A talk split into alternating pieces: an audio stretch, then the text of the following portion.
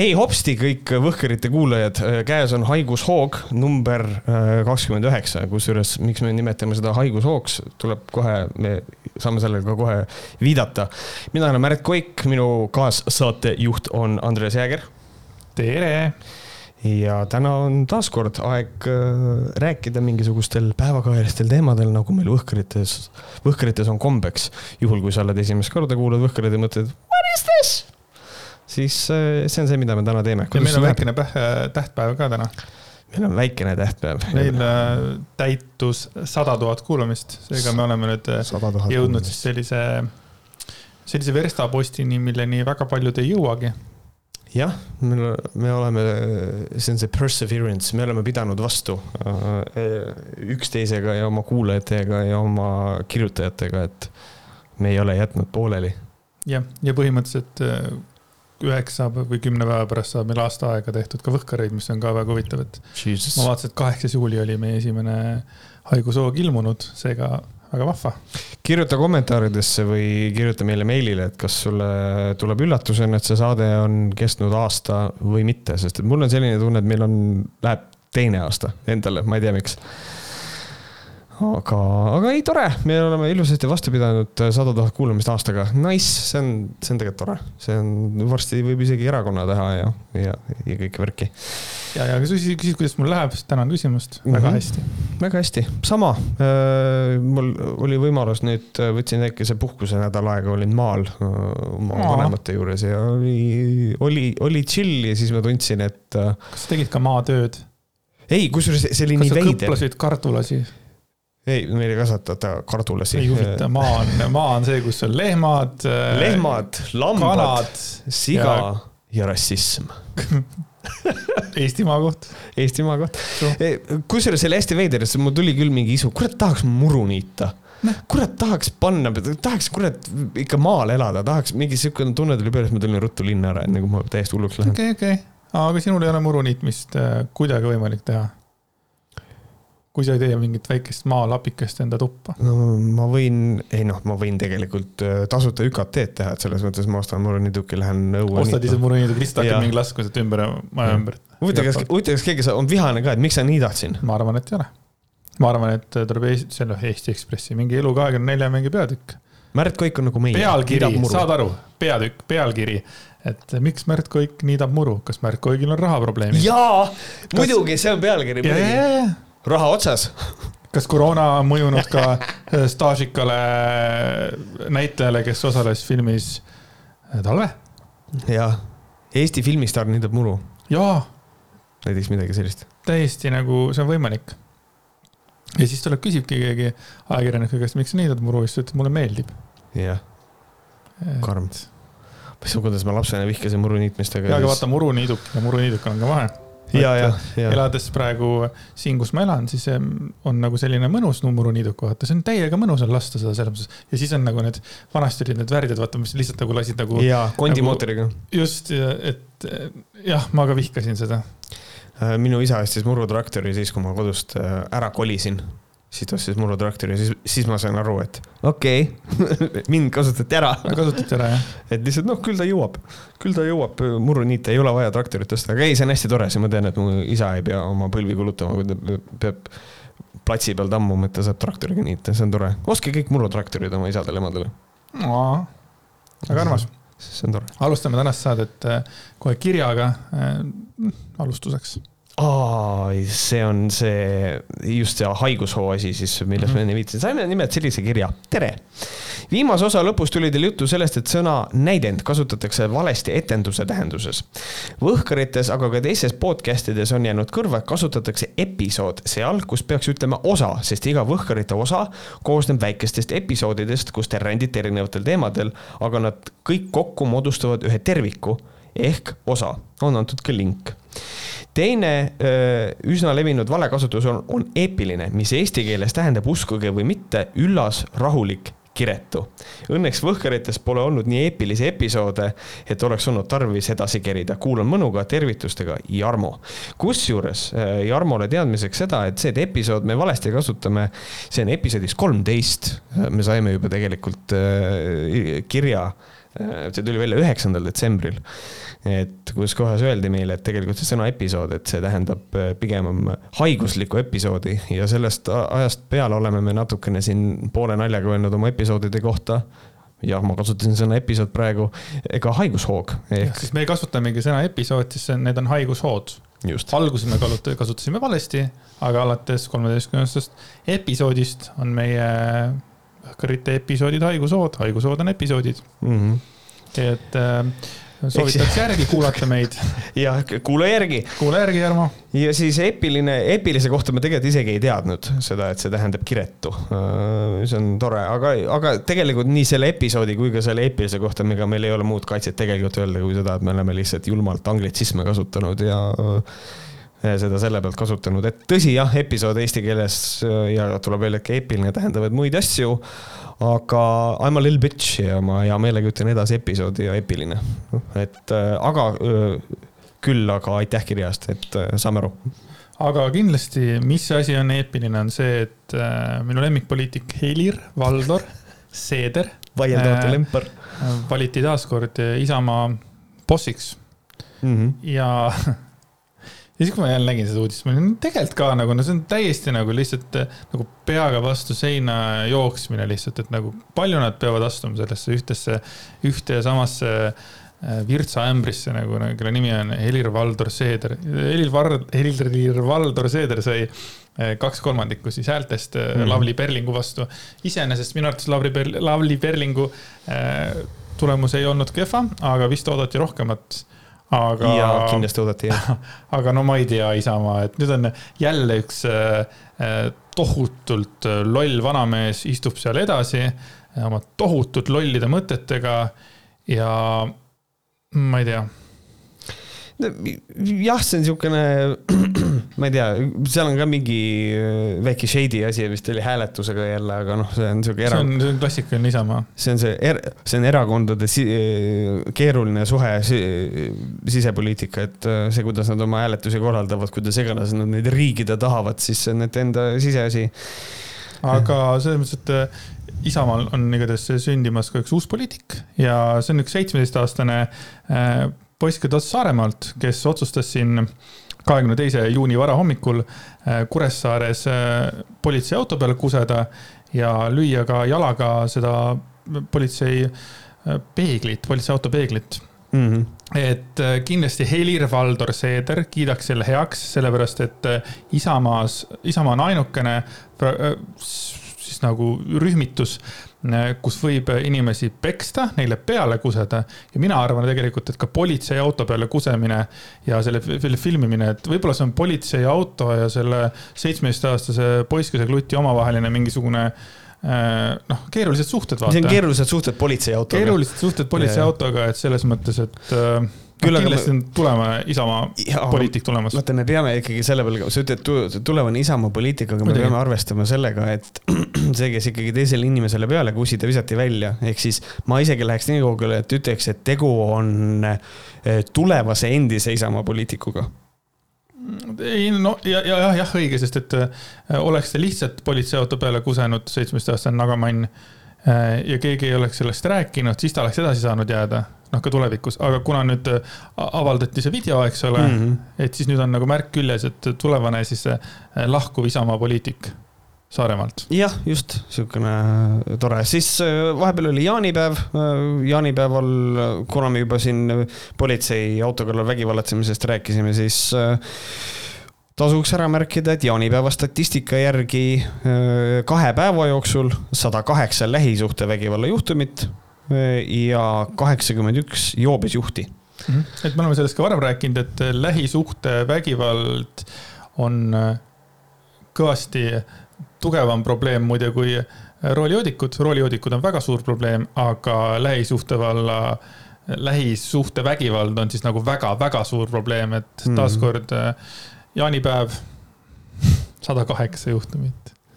et see on. väga, väga tuletame meelde need on need, kuhu, millega politsei tegeles, et äh, meil on väga palju lähisuhtevägivalda, kus äh, kuhu ei kutsuta politseid, need lihtsalt leiavad aset, et aga, see on mõttekoht. aga näiteks Varro Vooglaiul oleks kindlasti selle kohta oma arvamus selles mõttes, et äh, kodusisesed asjad ikkagi noh, võiks jääda koju sisse, kodu sisse, eks ole. ja, miks peab politsei sekkuma? ja et, et ikkagi andestamine oleks hea, et siis äh, ma soovitan kõigil saja kaheksal läbi lähisuhtevägivalla ohvril andestada oma kaasale ja oodata järgmisi pühasid. jah, kus sa võib jälle saada lõuga, et äh, sest me elame andestuse peal.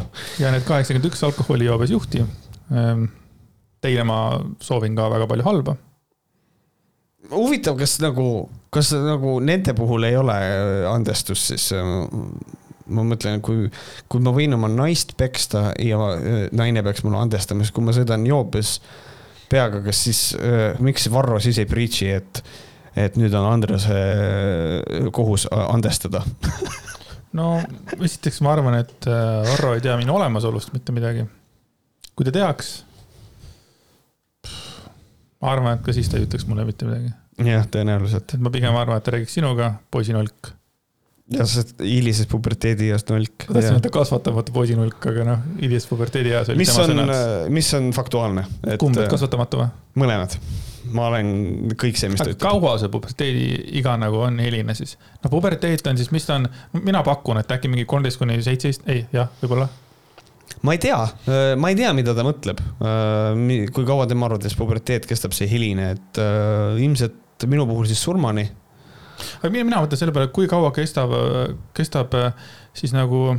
nii kaua, kuni sa kristlaseks saad, tema arvates. kui, ja kui kaua kestab hmm, konservatiivsete meeste mõtlemine homoseksuaalide peale et see on ka minu jaoks nagu küsimus, et, et kuna see nagu lõpeb, et yeah. hilispuberteet nagu läheb võib-olla üle mingi hetk, äkki noh, mingi kolmkümmend viis, äkki oled juba ikkagi mees juba onju yeah..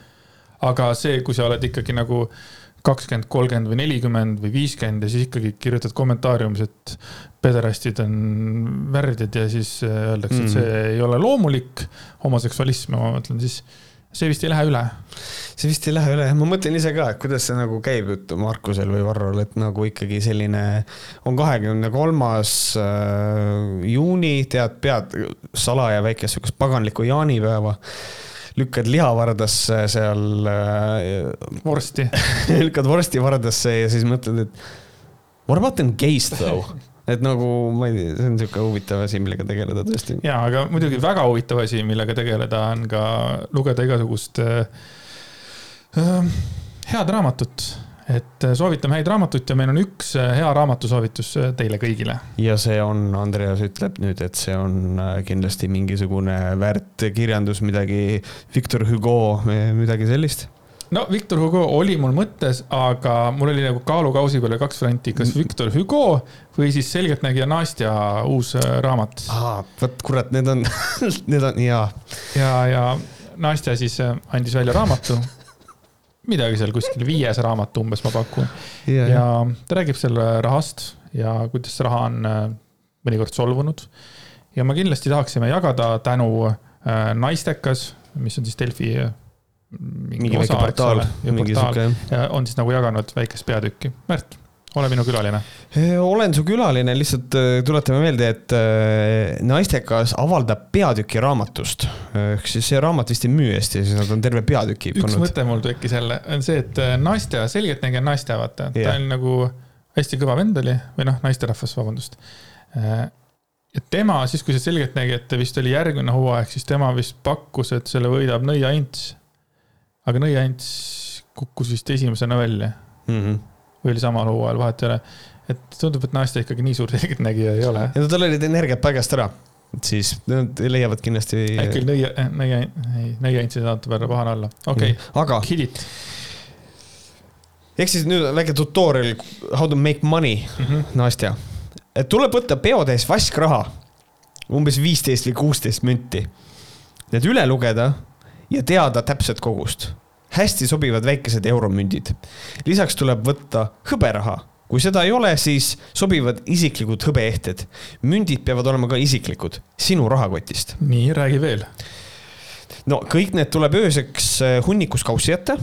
Eh, hommikul vaata, kas hõbe on müntide mõjul äh, tumenenud see on esimene tundemärk, et rahaenergia on sinu peale solvunud. siis, kui raha on nagu on tumenenud. kui raha on tumenenud okay,, siis okay. see on esimene märk, et raha on su peale solvunud. Äh, väga halb tunnusmärk on, kui üks münt on kadunud.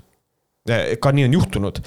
paned kaussi viisteist münti, hommikul on seal neliteist ja see näitab väga tõsist probleemi rahaga, kui aga hõbe ei tumene, kõik mündid on alles, siis on kõik hästi, ütleb Nastja see on tõeline müsteerium tegelikult. sul on viisteist münti, kui hommikul on see neliteist ja. ja see näitab tegelikult, et rahaga on nagu sitad lood, onju. kuhu kadus see üks münt? kuhu see münt kaob? aga okei okay,, teeme need, need rahaga ongi nagu kehvad lood. kas see münt haihtus? jaa, just kas nagu... sellel mündil on väikesed jalad, kus ta jookseb minema? ma tahaks naistega maha istuda, öelda, okei okay,, see münt kaob ära, kuhu? ei no kaob ära, ei aga kuidas? mina mõtlesin, et kui ta on nagu seda ise näinud, äkki ta mees pistis selle mündi ja siis on väike vargapoiss ta mees issand, aga äkki ongi. või poeg. keegi teeb nalja, vaata, see on nagu see, vaata liigutatakse seda kuradi, mis see on, Oji, Oji board või? jaa, Ouija, Ouija board. et võib-olla, aga äkki ongi naistel on niimoodi, et ta ise proovib neid asju läbi, ta mõtleb nii, kuidas võiks rahaenergiat, kuidas seda võiks nagu lugeda ja siis ta pani viisteist münti, siis selle elukaaslane vaatas, mingid mündid, ah mul jäingi üks puudu, võttis ära, järgmine hommik naiste, täitsa perses raha mu peale solvunud, kus mu münt on. pärast mees, elukaaslane ei julge mitte ühtegi asja öelda, aga fuck, mina võtsin, naine on jumala pöördes raisk, mingisugune raha on solvunud. õudne ma ei kujuta ette, aga mulle meeldib see ka, et esimene tundemärk, et rahaenergia on sinu peale solvunud, on see, et, et kui hõbe on müntide mõjul äh,. hõbe on müntide mõjul tumenenud. ühesõnaga, ta juba ütleb välja, et see hõbe äh, tumeneb müntide mõjul kui aga hõbe ei tumene, siis kõik mündid ja mündid on alles, siis on kõik hästi. no vaata, siin ongi, hõbe on müntide mm -hmm. mõjul tumenenud yeah,. Yeah. see on esimene tundemärk, et rahaenergia on sinu peal solvunud. ei ole rahaenergia, sa just ütlesid, et see tumeneb müntide mõjul. kumb siis? et see on, või nagu mündid ütlevad hõbedale, et you are a little bitch, et nagu tõmba tumedaks või ma ei, ma ei tea, vaene, vaene Martin Helme, kes teeb seda testi kodus. Oh no, too black yeah.. peab õpetajad hakkama aknast välja loopima, how can I? mul on ju selle kohviga niimoodi, et kui on must, näita ust lihtsalt, kui palju sul piima läheb, no ikka enamus, enamus. sa, sa kohvi peal üldse vett ei pane, teed kohe keeba piimaga see on asi, mida ma olen mõelnud, et ma tahan proovida uh,. see on äh,, tahtsin öelda, see kakao, aga ei ole ikka ühtegi. ikka ta ei ole jah, kakaot tehakse kakaost, et see on natuke teistmoodi aga, aga see on asi, mida ma tahan proovida. aga kui keegi on keetnud ära piima ja selle, selle kohvi pätika teinud näiteks piimaga mm, -hmm. vau, andke teada. jaa, andke teada. kuidas oli? See on väga hea mõte. nüüd keegi on kodus, oh my god, mul on mõte. ja, ja, ja siis varsti tehakse mingisugune masin ja mingid asjad ja siis keegi saab miljonäriks ja siis, või miljardäriks. ja siis ütleb, kust selle idee saite, et no kuulasin Võhkareid. ja, ja siis on jälle märk ah, järje, järjekordne idee. ükskõik head ideed. ja kui see näiteks, kui tuleb välja, et see mm, kohvi, see, kuidas seda nimetatakse, see extraction, see, et, et see kohv nagu ei saa valida, ekstraktsioon. kui see ei toimi, siis see tähendab, et kohvienergia on su peale solvunud ilmselt. on tõesti nii äh,, lähme siis edasi ka. räägi teisest reeglist mulle palun. teine reegel, mida vähesed teavad, kuigi see on siin raamatus olemas, on see, et suured rahatähed tuleb hoida väikestest eraldi mm. -hmm. sest rahal on oma hierarhia.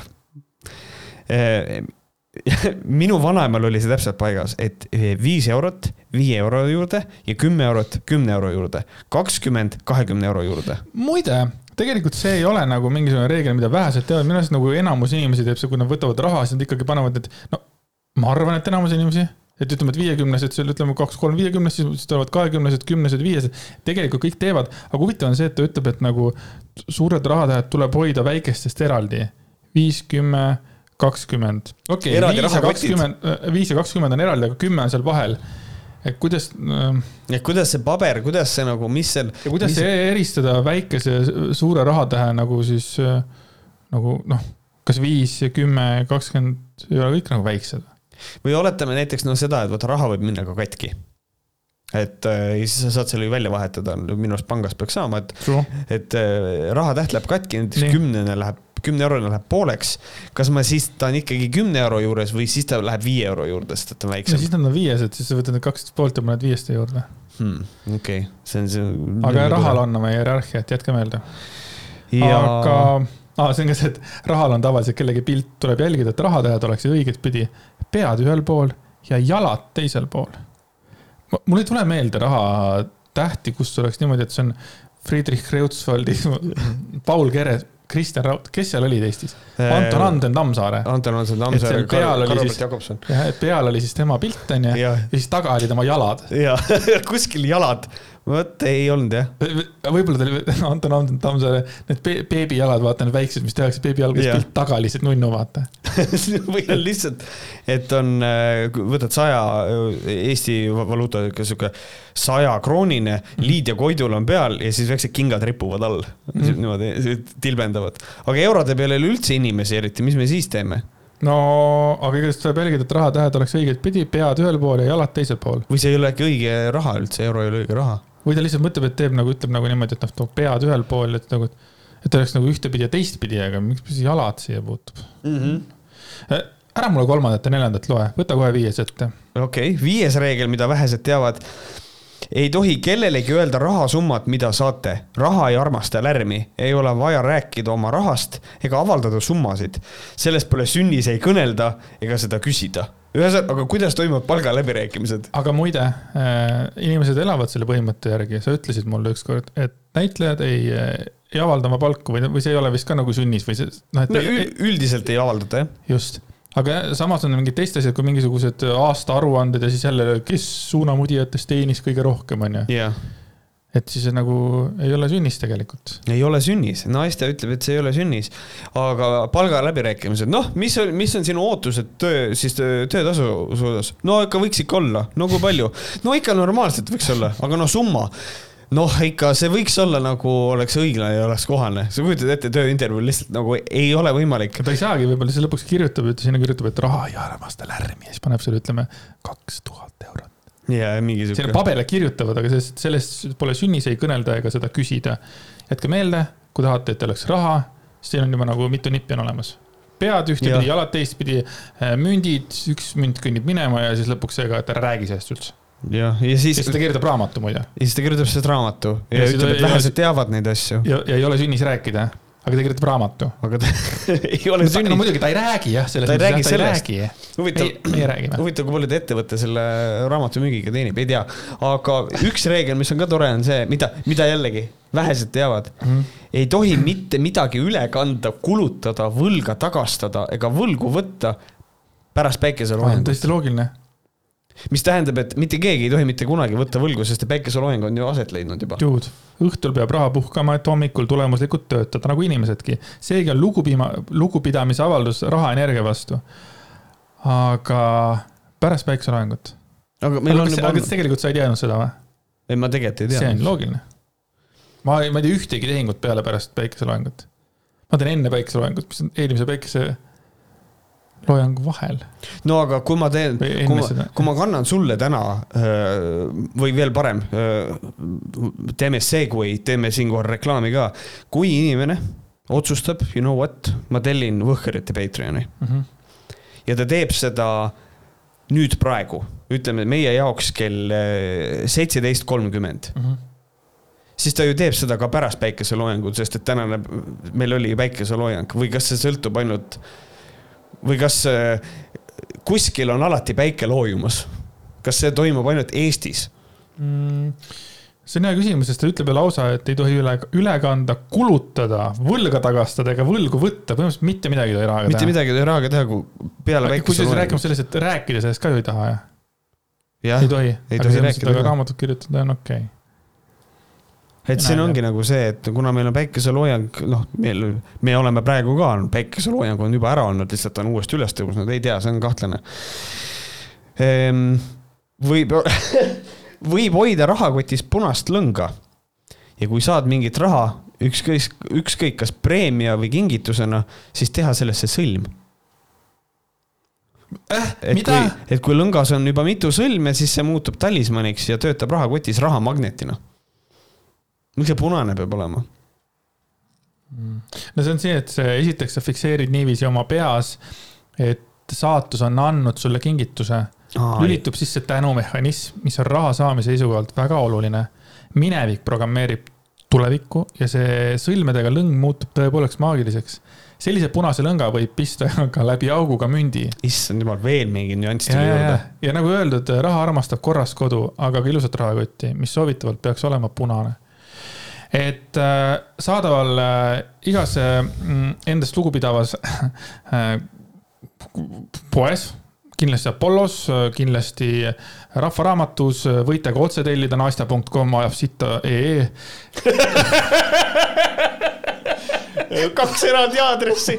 Eh, tellige kas nastja.com või ajabsitta.ee ja, ja mul on väga kahju kõikidesse nendesse, kes on äh, sinna lõksu langenud, et kes ostavad naisteraamatuid ja soovivad saada päriselt mingisuguseid äh, normaalseid nagu mingeid mõtteid või elu, et elu nende paremaks muutuks sest see võib päris hull olla, mõtle, kui mingi raharaamat on see, kus sa kuradi hüppad, hoiad mingi münti käes, on ju, teed mingisugust äh, päikeseloojangu poole mingist magavat koera, samal ajal mingisugune teise käega kraabid mingisugust õhku ja siis palud mingisugust punast äh, niiti enda käe ümber panna, on ju.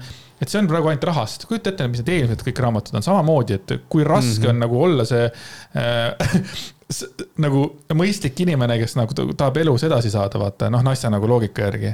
sa pead tegema mingeid tohutuid trikke ja kui naistel seda raha nii palju on, mis ta kurat neid raamatuid kirjutab?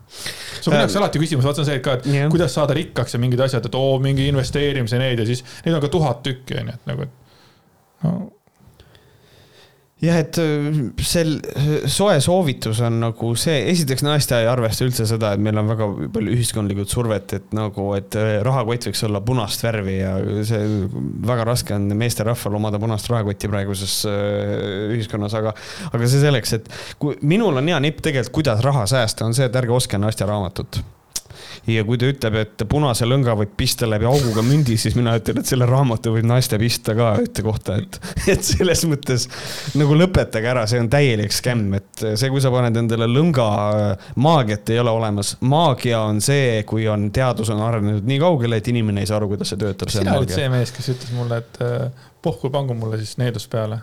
ütlesid sina seda enne oma striimis? naiste võib ka mul needuse peale panna, lasku käia ma pistan selle ka endale kuradi et äh, no meie poolt on nagu reklaam tehtud, kasulik idioot nagu ma olen, nii et äh, liigume edasi. suht kahju. võtame väikse kirja siis äh, jälle vahele siin, kirju on hästi palju tulnud ja ma olen nagu pikkinud nad siia vahele, et see sobib hästi kokku. tere, kuulasin teel tööle haiguslugu number kakskümmend kaheksa. haiguslugu on uus termin. haiguslugu on ka päris armas. haiguslugu, see on, aga see on meditsiiniline termin. ongi, ongi mis on teie haiguslugu? no ma kuulan palju õhkareid ma ei saa öösiti magada, nad ajavad nii lolli juttu. That is serious, äh, soovitan panna kohe rahakoti punase lõnga ja saate sellest või siis www.patreon.com äh, kaldkriips Vohkarid, te saate sealt tohutult palju head materjali, saate Just. naerda, saate nutta, saate videot vaadata, saate otse meile kirjutada kõik, noh, veel nagu kiirem. veel rohkem kirjutada meile. et selles suhtes, et palun täielik sell-out. olge tublid, aga tahtsin täpsustada, miks see jalgpallimäng ikkagi samal õhtul lõpuni mängiti. siis kõrvale, et see oli siis see, kui meil üks mängija platsi peal ära suri ja miks nad otsustasid edasi mängida. ehk siis haiguslugu number kakskümmend kaheksa. Eriksen küll palus oma tiimil samal õhtul edasi mängida, aga seda ainult seetõttu, et UEFA andis kaks valikut, kas mängida lõpuni sama päeva õhtul või järgmine päev kell kaksteist. sellepärast otsustatigi samal õhtul mäng lõpetada, sest ega öösel keegi vaevalt magada sai ning järgmine päev oleks olnud veel raskem oma emotsioonide pealt mängima minna selge. Podcast'is Andres pakkus välja, et kõik mäletavad, äh, kus nad tol hetkel viibisid. ma tulin just äh, töölt koju ja plaanisin oma kaaslasega meeldiva õhtu veeta, aga koju jõudes leidsin ees karja murtud mehi, minu kaaslane, tema sõbrad. Erikson oli just vahetult enne minu jõudmist kokku kukkunud. Pole vist vaja mainida, et too õhtu ei kujunenud väga meeldivaks naudin teie podcast'i väga, eriti meeldivad episoodid, kus te räägite lamemaalastest ja uhhuudest koroonaitajad ja vandenõuteoreetikud. mu kaaslane kohe üldse ei salli seda seltskonda, aga mulle meeldib nende üle arutleda. Võhkareid kuulates olen saanud päris palju uusi vaatenurki. head päeva, Helen. aitäh, Helen, Helen.. Äh, tead, millest me võiks rääkida või no.? uhhuulastest ja koroonaitajatest. äkki räägiks Meeli Lepsonist Davai, Davai, räägime Meeli Lepsonist. Meeli Lepson, nii. millega Meeli Lepson hakkama jälle saanud on e,? siis äh, tegi postituse äh, sellise vahva, mis on äh, fucking perse, see ajab mind naerma juba. et äh, postitus oli selline. sõbranna kirjutas just salagrupis. noh, info on otseallikast. absoluutselt kui ma suurte nägijate tuules julgesin loota, et ehk lõpeb varsti, siis täna tuli postitus, mis ütleb, et kuuteemad võib kõik olla võlts ja vale. kogu teema siis. ma ei tea, mis asi on kuu teema, but fine. taevamannat ei ole tulemas, kuuallika või. oot, oot, oot, oot, oot, see ongi see, et minagi panin siia nagu panin sulgudesse, et kuna ma ei tea, mis on kuu teema mm, -hmm. aga te ei pea kirjutama meile, mis on, mina leidsin lihtsalt selle, et mis asi on kuuallika. kuuallika või kuue evangeeliumi keskseks teemaks on Jeesuse õpetus, mitte surm ülestõusmine. kuu evangeeliumiga kaasaegsed Apostel Pauluse tõesed kirjad ei aseta samuti ristilöömistega ülestõusmist sündmustena keskmesse. ma arvan, et see äh, on siis nagu seotud sellega, et äh, siis täna tuli postitus, mis ütleb, et kuu teemad võib ka kõik olla võlts ja vale ei, ma ei, ma ei tea, aga noh oh ütleme, et see oli see kuuallikas, mis ma leidsin oh. mis see kuu teema on, ma tean, kunagi oli raadiokuu, enne kui ta Raadio Kukuks muutus, ta oli raadiokuu, ei olnud. siis oli Must kuu ja must kuu oli kõva, kas sulle meeldis Must kuu? ma olin liiga noor, ma olin liiga Tegelikult, noor. kas sulle ei meeldinud kiired autod, kas sulle meeldinud kenad beebed, sulle ei meeldinud kenad beebed, kas sulle meeldis palju raha? jah, meile meeldis palju raha I have no idea what you are talking ma, about. sel juhul palun kuula Musta Kuud. Musko on läbi aegade kõige parem Eesti bänd. ja ma, ma seisan selle. pool Eestit on praegu. jah, sellepärast, pool Eestit ei mäleta Musta Kuud ja meie kuulajad. muide äh,, keegi veel ah, hea küll, las olla, ma, ma ikka ei puuduta seda teemat, tahtsin korra puudutada okay.. jah, aga hea küll, jätka. aga ühesõnaga, et siis nad said teada, et, et isegi piibli teemad vist ei ole päris või wow,? Fucking wow Mm, ja siis te, ühesõnaga taevamannat ei ole tulemas ja see on niinimetatud mustade produtseeritud süsteemne info. ilmselt, et meiesuguseid eksitada, rahustada, aega võita ja nii edasi. väga suur projekt jälle.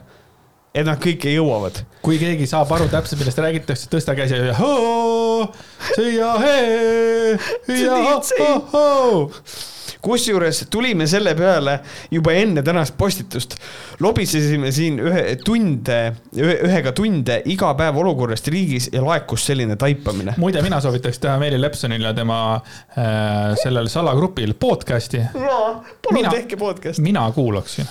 see on lihtsalt nagu konkreetsed, näed. Neil on olemas podcast, ausad mehed ausalt, õige, jah. selles mõttes, et neil on olemas see podcast, mida kuulata ja kus nad kuulavad uhuu sitta uhuu sitt ehm, ühesõnaga nad lobisesid tund aega ja siis neil olukorras riigis ja siis neil laekus taipamine mm. -hmm.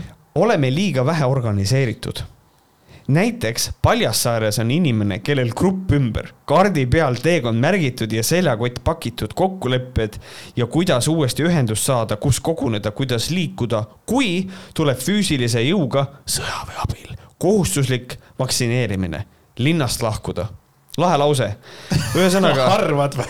lahe lause, aga, aga näiteks see, et tal on Paljassaares olemas inimene, kellel on grupp ümber, ehk siis meil on Paljassaares sekt siis äh, ma kujutan ette, William Koval on hästi uhke, et ongi, näed or, organiseerunud. tead, William Koval on muutunud mulle sümpaatseks, tead miks või?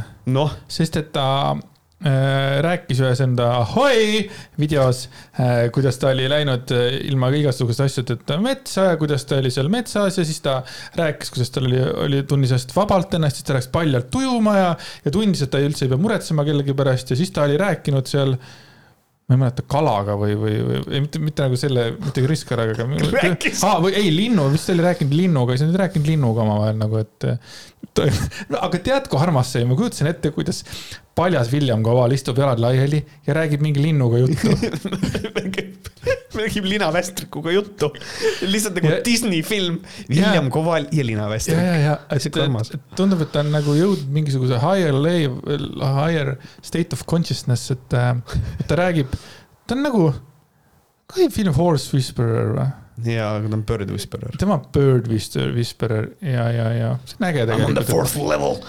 Et Paljassaares on sellised paljad poisid, kes palja tilliga lindudega juttu ajavad kusjuures, kas sa, ma ei tea, kas sa kommentaarides nägid, aga see vaata, et äh, läksin ma ühegi asjata metsa ja eraldus sotsiaalmeediast, et selle kohta on väike vandenõuteooria ka. Mm. -hmm et see, et ta oli tegelikult on alkohoolik ja ta oli tsüklis ja see on minu jaoks on väga põnev. jah, ma, ma jagasin seda Twitteris, see, see tweet ei saanud väga palju tähelepanu, aga, aga minu arust see oli päris naljakas, kus lihtsalt täiesti suvaline inimene ründas lihtsalt William Cowalit ja kirjutas pika loo sellest, kuidas see, see on lihtsalt mingisugune suvaline jobu ja sa lihtsalt yeah. oled tsüklis ja ajad mingit joorupit yeah,, vaata. yeah.. siis William veel vastas ka pikalt, et äh, minge vaadake Andres Jäägri Twitteri kontot. just, ma nägin ka seda sinu Twitteris, tuli meelde, kui sa ütlesid, et, et see on äge, minge vaadake Andrese Twitterit, tõesti, seal on see üleval, et keegi süüdistab teda selles, et ta oli tegelikult tsüklis. ja siis te võite otsida ka üles maailma parima anekdoodi William Covali kohta, kes on kuulnud Patreonit, see saab aru, miks see nii hea on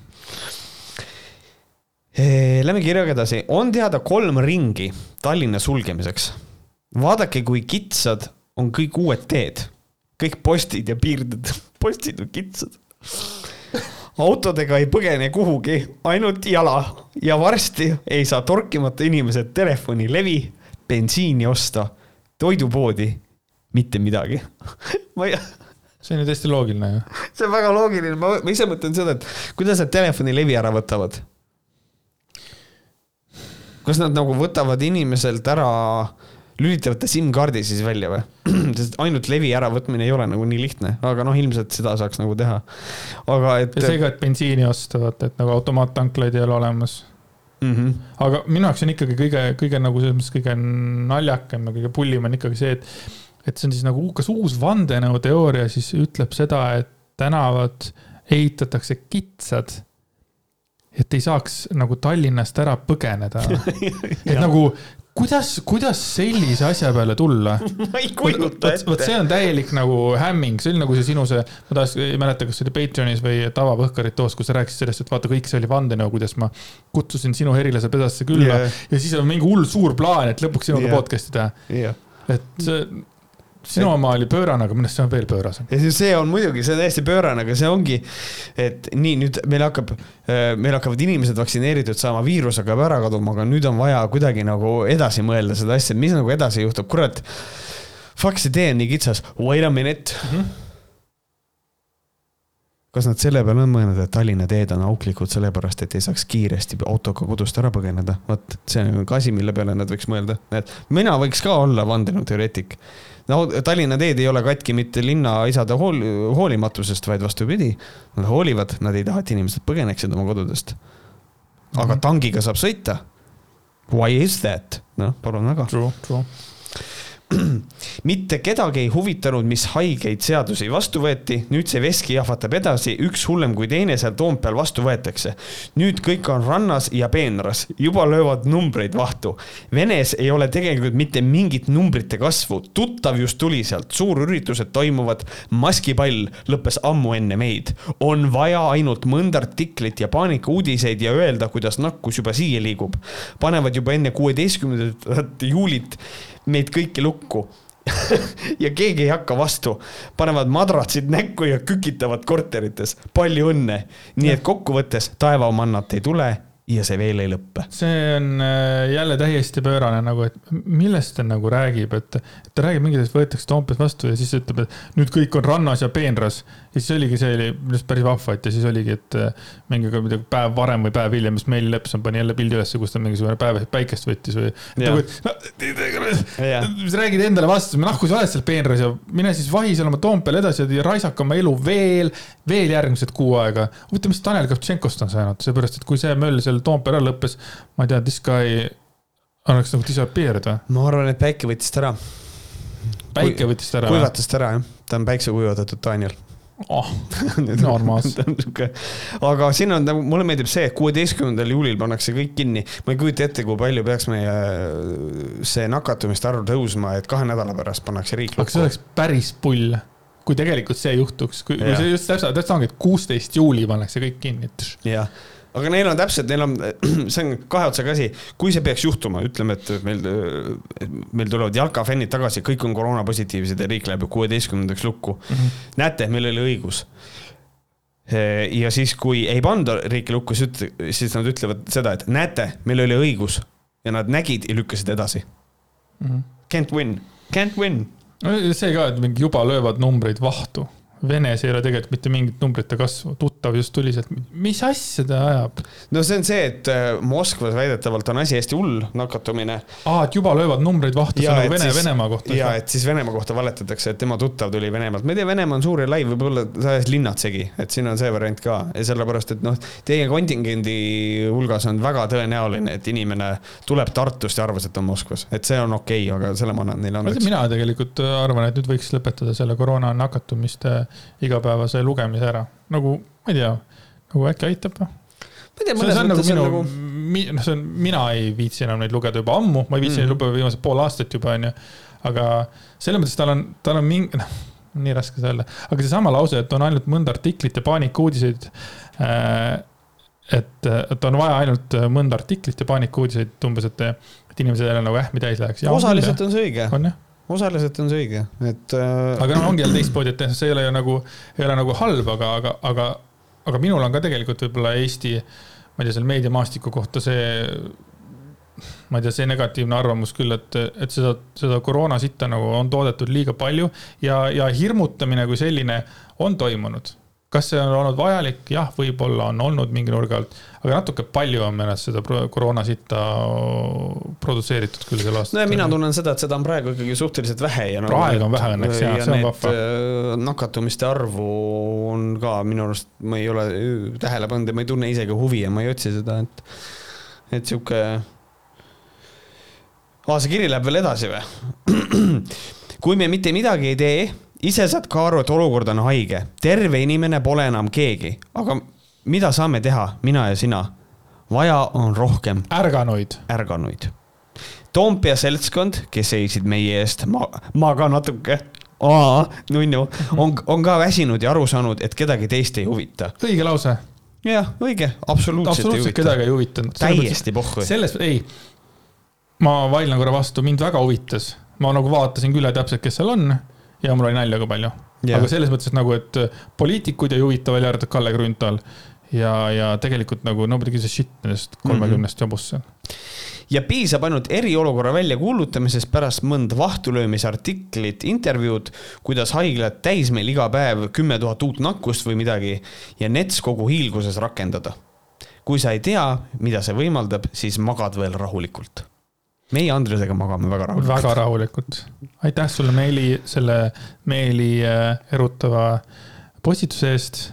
me armastame sind väga ja produtseeri edasi äh, taevapilte, mida sa siiamaani paned ülesse, kus mhm. on äh, meid mürgiga siis nagu, no me mürgitatakse. Chemtrails, et äh, hoia kindlasti meeli hoia siis silma peal sellel, kui kiiresti muutub ilm ja kuidas on näiteks seotud äh, sinu elukaaslase erektsioon sellega, milline on, millised pilved on ja mitu lennukit on üle lennanud, kindlasti sa leiad seal vahel mingisugused, sa võib-olla meeli mõtled, ma mõnitan and you would be correct mm. -hmm. aga kui me nagu korraks nagu Kalle Grünthalist räägime, siis tegelikult väga nagu kauge äh, ei ole tegelikult Kalle Grünthalile Gerd Kingo. Gerd Kingost ei ole väga kaugel tegelikult äh, Valdo Randpere ja siin tekitas niisugune väikene mini ähm, võbelus EKRE fraktsioonis, kui ähm, Valdo Randpere, also known as the Al Bundy äh,, ütles äh, midagi, midagi nii koletut see on see... nii koletu ja ma tahaks selle nagu kohe ette lugeda, see on nagu, mul on seda valus tegelikult lugeda, sest et. see on väga valus. Valdo pani ikka, Valdo pani rõvedalt. olge valmis, olete valmis? Mart Helme oli selline natukene joviaalne, silm säras, tegi nalja. nüüd on ta mingi hävituspataljoni enda ümber koondanud. sinna kampa kuuluvad Riigikogu kõige rumalamad liikmed, Kalle Grünthal, Peeter Ernits, Gert Kingo ja siis Mart Helme nende juhina. ossa raiss. täiesti perses. see on, see on täiesti, see on nagu kiusamine tegelikult, kuidas nagu Valdo Randpere ütles niimoodi, et äh, Valdo Randpere nagu, äh, no see on. see on ikka räme jah. ma tahaks kutsuda ta täitsa nagu duellile. ja, duellile äh, ja siis pärast ära öelda, öelda, et religioon ei luba. Joe Marcus. Ähm, tead, see on, see on nii, see on nii teravalt öeldud, et mul on kohe hot acidic goosebump driven diarrhea, et see on ikka karm noh, sellele siis vastas Gert Kingo, ma kohe loen ette, mida Gert Kingo vastas, aga kõigepealt ma alustaks sellest, eh, mida Uued Uudised selle tohutult õudse nagu sõimu peale tegelikult kirjutas. Äsja nimetas Reformierakonna poliitik Valdo Randpere TV3 uudistesaates EKRE mitut Riigikogu liiget nimepidi parlamendi kõige rumalamaks inimeseks. huvitav, kust ta on saanud piisavalt delikaatseid isikuandmeid, et selline diagnoos panna? muide, rumalus on liiga juurdunud ja süvenev nähtus meie ühiskonnas, et sellega nii hooletult vehkida. teiste seas nimetas ta kõige rumalamaks Riigikogu liikmeks ka Gert Kingot. ah, oota nüüd, oota, oota, naisterahvat, ema abikaasat. oh no. täiesti uskumatu. EKRE mängis Woman Cardi, ohoh, ohoh, väga karm. oh, päris elevalt, EKRE mängis Woman Cardi oh,. Oh, eh, oh. ja noh, tegelikult siis äh, oligi nii, et Valdo ütles ära oma hirmsa lause, kui ta Jaak Madissoniga siis vaidles. ja Gert, Gert solvus. Gert solvus väga. Gert, minu kooliõde. no Gert, Gert siis äh, teavitas Facebookis äh, inimesi et äh, algas kohe sellega tavaliselt ma rämpsu peale oma Facebooki seina ei raiska, aga täna teen erandi uh,. I disagree. minge vaadake Gerd Kingo Facebooki lehte. It's nothing but garbage. täielik garbage see on, see on no nii garbage, et isegi see bänd garbage on nagu rohkem, ei ole nii garbage nagu on Gerd Kingo uh, Facebooki sein, aga reformierakondlasest endine kommunist vanamehe näss Randpere, kes on Riigikogu ruumides jäänud silma eelkõige oma ääretu matslikkusega, kes ei tunne mingeid elementaarseid viisakusreegleid ja kes pole senini aru saanud, et tema paremad ajad on ammu möödas, solvab avalikult eetris naisterahvast saan aru, et see oli tead taotluslik ja teadlik tegevus, sest Randpere ju muuks võimeline polegi. nii mõttetul mehel on ju selliseid tähetunde haruharva. pange nüüd tähele äh,. Valdo Randpere ütles Gerd Kingo kohta nagu rumal. Äh, äh, ja siis Gerd Kingo suutis seitsme rea jooksul öelda, et ta on endine kommunist, vanamehe näss, matslikkusega silma mats, jäänud, eks ole. ta on liiga vana. tema ajad on ammu möödas ja siis ta veel solvab eetrist naisterahvast, onju. ja ta ütleb ja ta ütleb mees jutumärkides. jaa, nii mõttetul jutumärgid, mehel on selliseid tähetunde haruharva.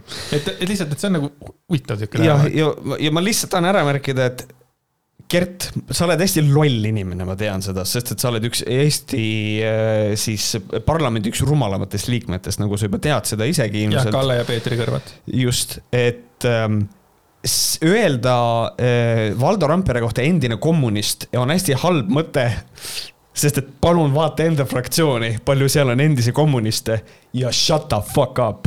täpselt samamoodi, äh, kui sa ütled, et Randpere on Riigikogu ruumides jäänud silma matslikkusega. taaskord, vaata enda fraktsiooni ja kui sa ütled, et paremad ajad on Valdo Randpere möödas, vaata, on ta fraktsiooni, eks mis see Mart Helme on, kaheksakümmend juba? tead, ta on võib-olla isegi juba üle saja natukene kes see veel oli üle saja, millega me rihvisime siin üks päev? aa, see oli see Kongspeit, ei see, see, kes N, N-tähega sõnu ütles. see, see, see, kes N-wordi troppis, aga tegelikult minu arust. kaks peit. kaks peit või, või vakstupea, ma ei tea, aga minu arust ei ole olemas Eesti võib-olla keegi saab meile kirjutada.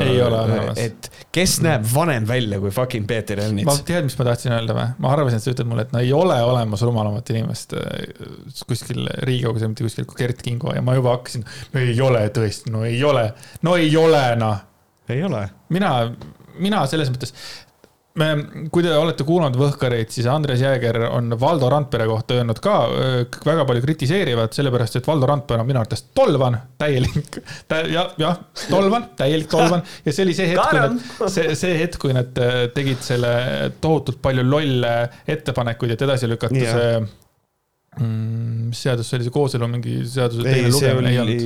see oli äh, rahvahääletuse. rahvahääletuse just ja, ja tegid hästi palju lolle ja on ikka väga lolle ja palju lollimaid tegelikult avaldusi, kui EKRE inimesed on nagu kokku teinud, et Valdo Randpere on täielik vakstuba ise ka äh, lihtsalt minu arvates on nagu see, see Gert Kingo poolne viha on nagu arusaamatu nagu täiesti arusaamatu, sest ta lihtsalt ütles, et rumalamad inimesed, et Gert Kingol peaks olema nagu nii palju seda paksu nahka ja kuidas ta nagu irvitab iga asja üle, mida nagu Mart Helme ja, ja Grünthal ja kõik need nagu mõnitavad ja mölisevad Kaja Kallas, ükskõik kellega. ta on täiesti nagu äksi täis, ta näpib kuradi Helir-Valdor Seederi pead ja noh, et see, et see, et see on nagu nii veider, et nüüd, nüüd, kus sa nüüd siis see naeratus kadus, et nagu kui, et ma ei saa sellest aru, lihtsalt äh, Riigikogu rumalamad inimesed, kolm tükki, no so what? no absoluutselt, pohhu ei ole või? aga, aga miks nad ei tee seda? Is-, aga nad vist kardavad seda teha, aga on see, et kust, kus nagu uued uudised, kus nad said nii delikaatsed isikuandmed, aga davai, paneme ritta. nagu haridustee või midagi sellist? ei, ei, teeme, teeme mingi testi teeme mingi standardse mingi IQ testi kõigile. Ja kujuta ette, kui need ongi neljakesti seal kuskil, kuskil all augus, siis on nagu see, ei, see oli rigged, see oli, see oli meie vastu pööratud, sealt küsiti mingeid LGBT asju, me ei tea neid. Noh, mingi sihuke asi raudselt. Äh, siis ta ütles veel seda, et äh, küll aga pani kulmu kergitama saatejuht, muuseas ka naisterahvas. Äh, see oli siis Siri Eesmaa, kui ma ei eksi mm, -hmm. kes äratuntavat rahulolu väljendava näoilmaga sellel labasusel tegi omalt poolt veel sissejuhatuse. see on väga täiesti nagu äh,, kuidas sa võtad, Siri Eesmaa tegelikult ta isegi võib-olla ei teadnud nagu, millest nad räägivad ja tema lihtsalt luges ju uudiseid ette või mis mm -hmm. iganes, selles mõttes, et ja nüüd räägivad Valdo Randpere ja Jaak Madisson idiootidest. noh ta isegi ei teadnud võib-olla, kellest nad räägivad, et selles mõttes, et see, et kuidas nagu Gert Kingo saab isegi äh, proua Eesmaa nagu äh, või Preili, ma ei tea, kes ta praegu on, kas ta on abielus äh,. proua Eesmaa nagu selles mõttes äh, sissejuhatuse peale ka pahane olla, et nagu kas on millegi peale, mille peale Gert ei ole pahane. kas ta on oma vanemate peale pahane, et talle selline nimi pandi? kas või oma kooli peale, et ta käis koolis. ta ütles ka seda, et väga madal selle vana proua poolt. isegi, isegi sellele pani nagu paugu, aga ma ei imesta, see ju ongi TV3-e tase, ei midagi uut. ja TV3 sai, kõik saavad pihta raisk jah, okei okay., nüüd ootan nende suurte naiste eest seisjate, eetika ja viisakuse eest kõnelejate, arvamusliidrite, kolumnistide, Lion klubi liikmete, blogi ja beibede ja muidu tühja õhu võngutajate hukkamõistu väljendavaid pöördumisi. ootan, et ennast erapooletuks ja objektiivseks nimetav meedia seda kõike ka avaldaks. nüüd ta pani jälle täie paugu kõigile ja muidugi see oli päris arma, et blogi ja beibede ja muidu tühja õhu võngutajate hukkamõistu. no meie. Absoluutselt, kindlasti, kas sa oled blogija beebe või äh, sa oled võngutaja, võhkar, võng-? ma olen, ma olen äh, mõlemad ma, ma olen ka blogija beebe. aga jah, ta tõesti nagu solvas, et aga põhimõtteliselt ma arvan, et äh, aeg oleks võib-olla Sass Ennal nagu august välja tulla ja nagu Gert Kingo kaitseks välja tulla, sest tegelikult see, mida Valdo Randpere ütles, see oli, see rõve see on rõve. see on lihtsalt matslik. kuidas sa ütled naise kohta, et ta on loll, õudne? rumal ütles ma ütlesigi, oli rumal või? ja, ja rumal, see on pole hullem mm -hmm. muidugi. või kehtib see kõik ainult esikiusajast reformierakondlasest naise kohta ja esikiusajast. esikiusaja. ja EKRE liikmest naisterahvast võib vabalt avalikult laimata, solvata, mõnitada ja alandada. kus see alandamine ja so-, no solvamine võib-olla natuke oli, aga et nagu okei okay., nii nagu seda tehti kaks aastat tagasi sellesama erakonna naisjuhi algatusel eestvedamisel. Äh, kas siis nagu Gert, oota, nagu seda tehti kaks aastat, kas siis, kui Gert Kingot äh, minema löödi sealt või oli? Äh, see on. või mida ta, mida ta ütleb? no see on nagu see, ilmselt küll jah, seoses sellega, et Kaja Kallas istus opos ja siis äh, et ähm,.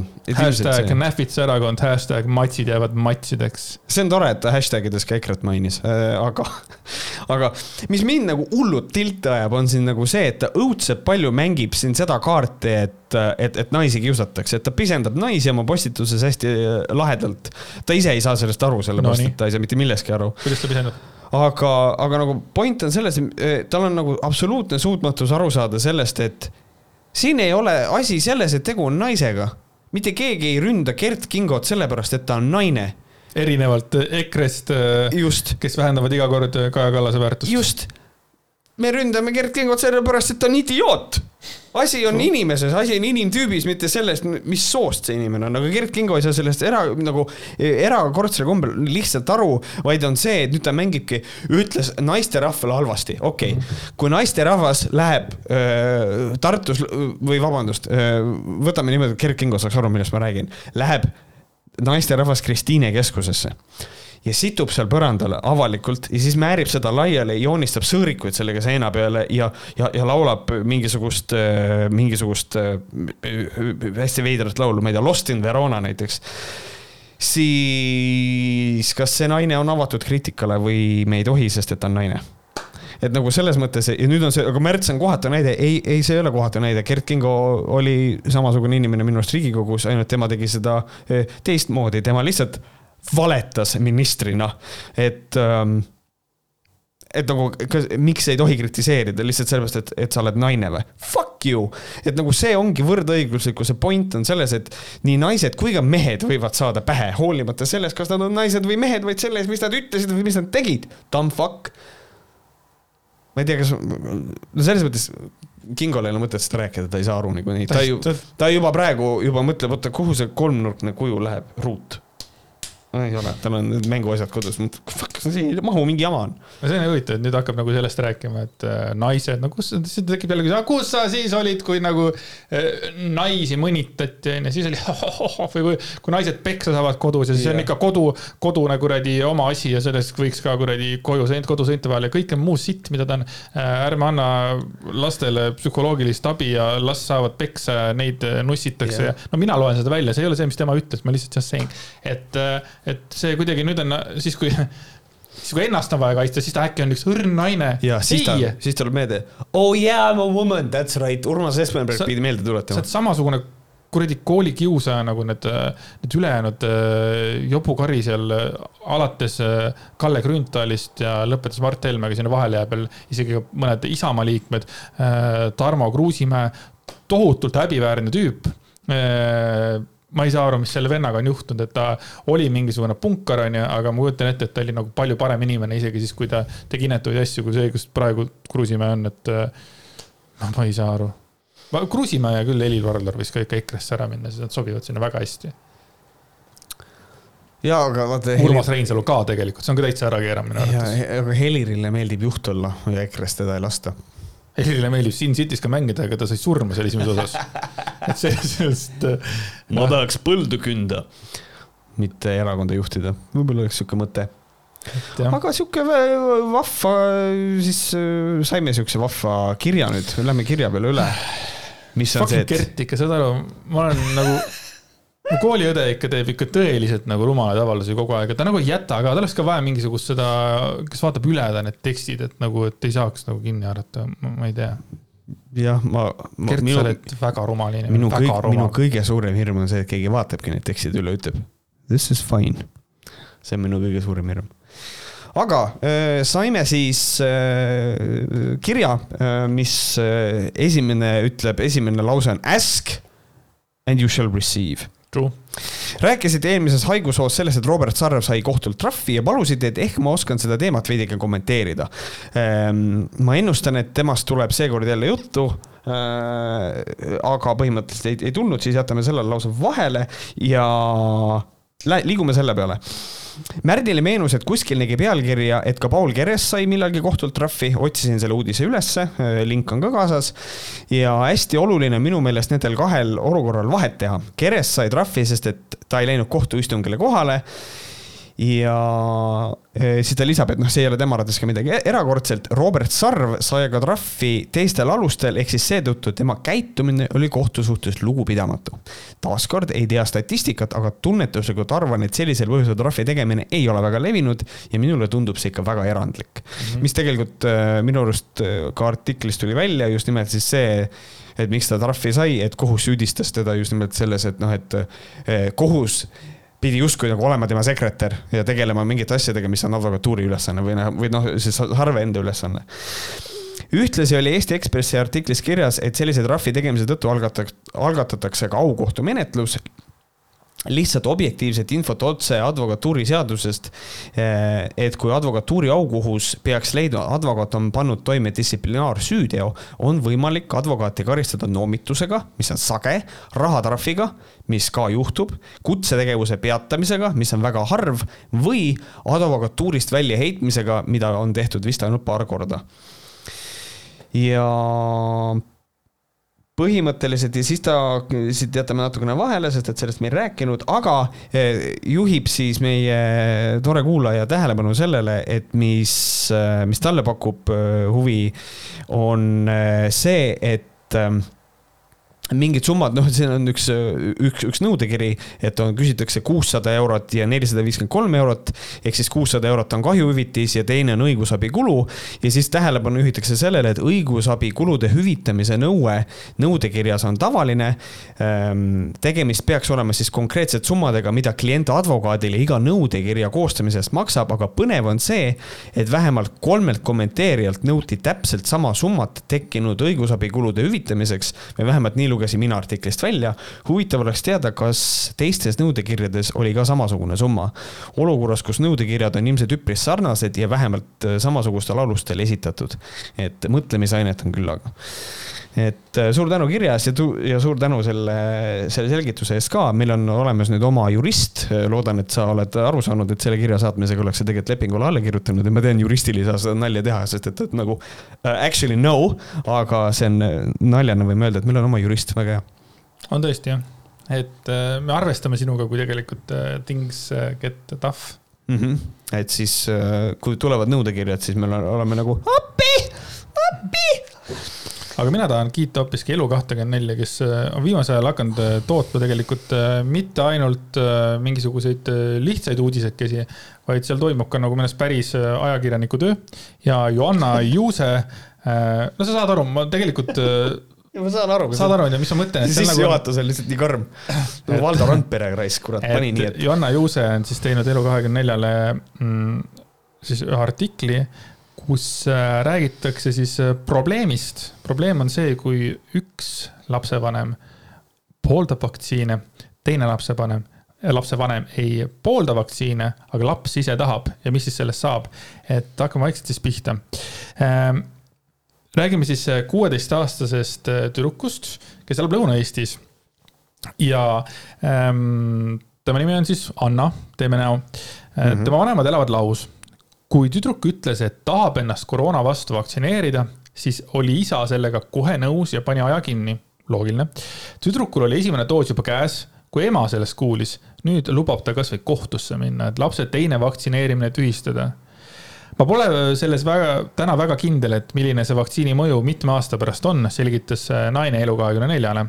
ta möönis, et laps ise soovis vaktsineerida, kuid kuidas see otsus sündis mõjutegureid on nii palju, tal on muusikaõpetaja, kes on riskirühmas.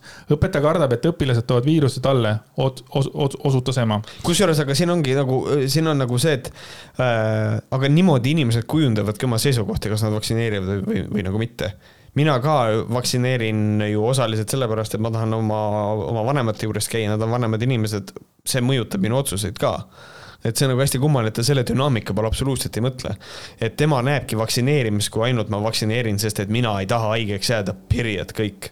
et see on hästi kummaline, et ta isegi ei näe seda teist nüanssi seal taga ja tema sõnul ei maksa vaktsineerimisega kiirustada, sest me ei tea veel kõiki kõrvalmõjusid. ka mhm. küsis ema, miks peab süstima noori, kui Covid-19 neid otseselt ei ohusta. ta usub, et samade küsimuste üle juurdlevad paljud lahus elavad vanemad, kellel on mõlemal oma lapse hooldusõigus. ma ei tea, kas on neid nagu nii palju tegelikult, nagu niisugune väike kõrvalpõige. teise doosi peaks tütar saama kakskümmend seitse juunil, mis tähendab siis eile või? üleeile üle. ema ei välistanud, et pöördub halduskohtusse, et vaktsineerimisaeg tühistada naine leiab, et lapse vaktsineerimise puhul peavad olema samad reeglid, mis on näiteks reisides. ehk kui tahad last riigist välja viia, siis peab olema mõlema lapsevanema nõusolek. samuti ei pea ta õigeks seda, et laps saab vaktsineerimiseks ise aja kinni panna ja vanemad ei pruugi sellest üldse mitte midagi teada saada. ja siis seal all olid need igasugused nagu asjad, et mis siis saab nagu kogu selles asjas, viimane lause oli selline.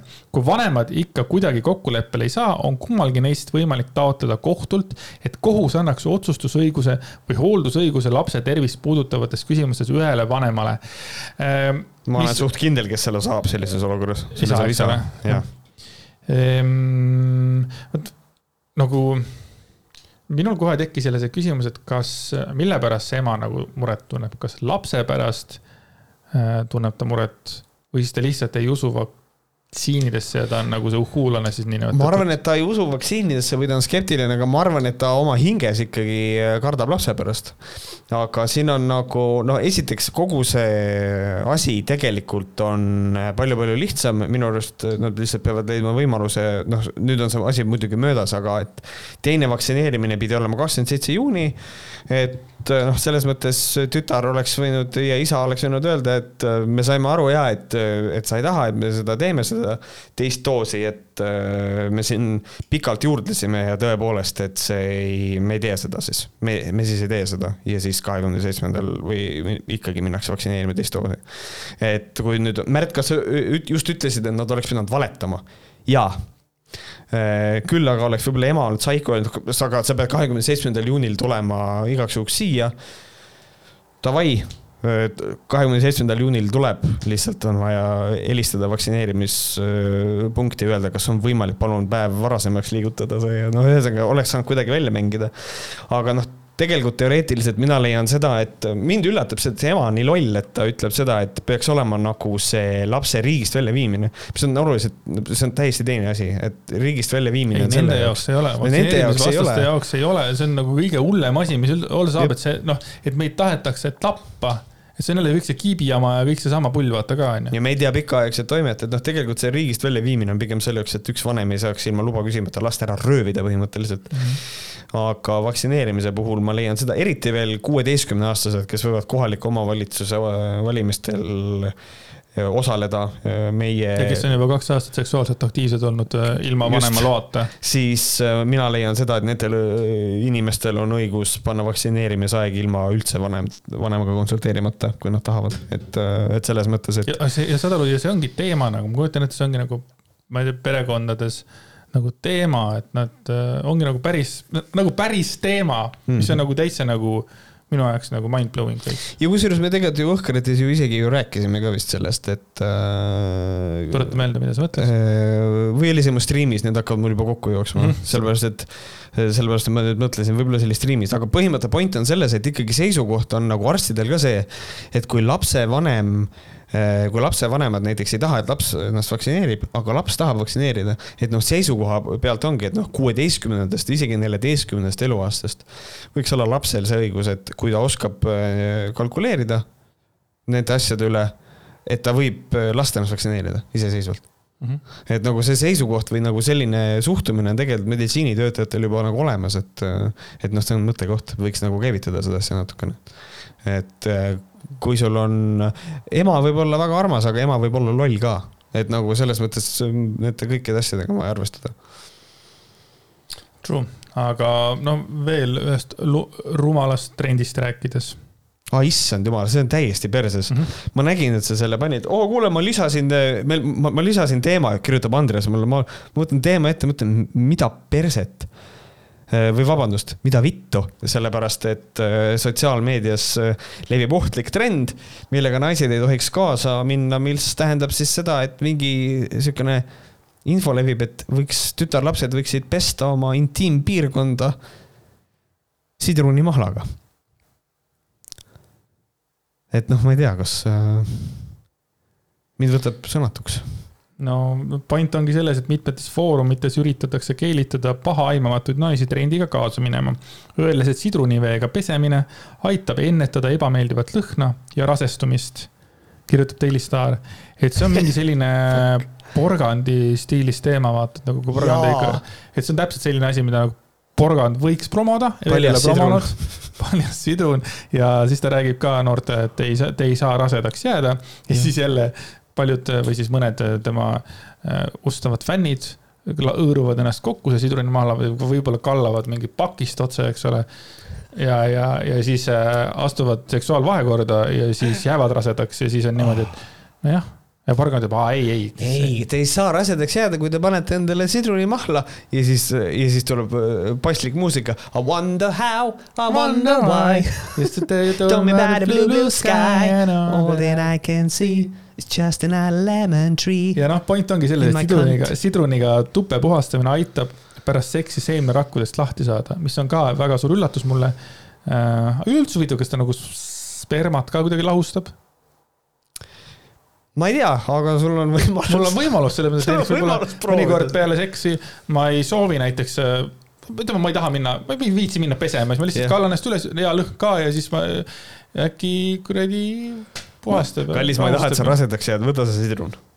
jah yeah. uh,. I wonder how. või ma, ma ütleme, panen hästi pikalt, panen sõdr, sidrunit ja see kogu nagu minu riist on koos sellega. ja yeah. siis äh, sisenen, ütleme enda armsamasse. aga siis peab, siis, siis peab minema kohe õige asja kallale, siis ei saa see kuskil mujal vahepeal käia, sest et see maht tuleb maha. et see on kõik siukene, et ühesõnaga palun, see kõlab võib-olla natukene nagu ropuna, ma saan aru, mõnedele inimestele on see väga vastumeelne, aga, aga seriously, ära pane endale sidrunimahla putsi. nagu see on lollakas, lõpeta ära. porgand, palun siin, et see, sellega öeldes, et ainuüksi sooja veega pesemisest piisab ja see on huvitav mm -hmm. lause oli muidu, mida ma ei teadnud, on see, et kõikvõimalikud intiimpuhastuslapid, deodorandid ja keelid on üldjuhul ebavajalikud ning põhjustavad rohkem kahju kui kasu. et nagu selles mõttes, et intiimpuhastuslapid, et siin ei ole küll intiim äh, nendest äh, vot, mis on, mitte intiimseebid, aga mingi. intiimpesukeelid. just, intiimpesukeelud, et ma tegelikult arvasin, et need võib-olla isegi on nagu mingi, aga vist need ikka. mingites kontekstides on, on, on neid vaja, aga, aga, aga mitte niimoodi, et ma nüüd pesen terve oma elu intiimpesukeeliga, et see minu teada ka ei ole nagu õige, sest et meil on, meie kehad on ise puhastuvad Äh, issand, ma juba lapsena lugesin äh, raamatust, mis rääkis äh, seksist teismelistele, et tupp on isepuhastuv mm. -hmm. et kui keegi ütleb teile mingisugused, tahab teile müüa mis iganes detox asju, et sa paned endale plaastri külge ja sa imed teid mürkaineid välja. SCAM, scam, scam, scam, et see on, see on jama. Ja ärge pange Sirvini Mahla endale. ärge pange. Gucci, see on mõttetu aga rääkides intiimpiirkondadest, siis äh, on äh, Austraalias selline vahva õpetaja, kahekümne nelja aastane muide, Monika Elizabeth. jutumärkides vahva, eks?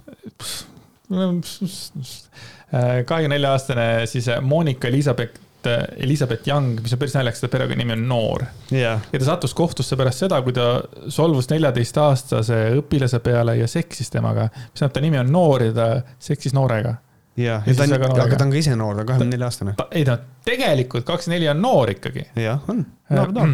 ja siis seal oligi kirjas, et õpetaja Anna väidab, et noormees hakkas talle Covid-19 kaugõppe ajal sotsiaalvõrgustikes kohatuid kommentaare ning rõveda alatooniga sõnumeid saatma.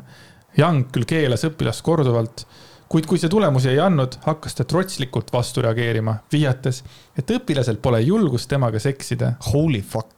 see on nagu lihtsalt nagu, mida sa teed, see on äh,. ma, ma nüüd loen selle lause niimoodi, nagu see tegelikult välja nägi.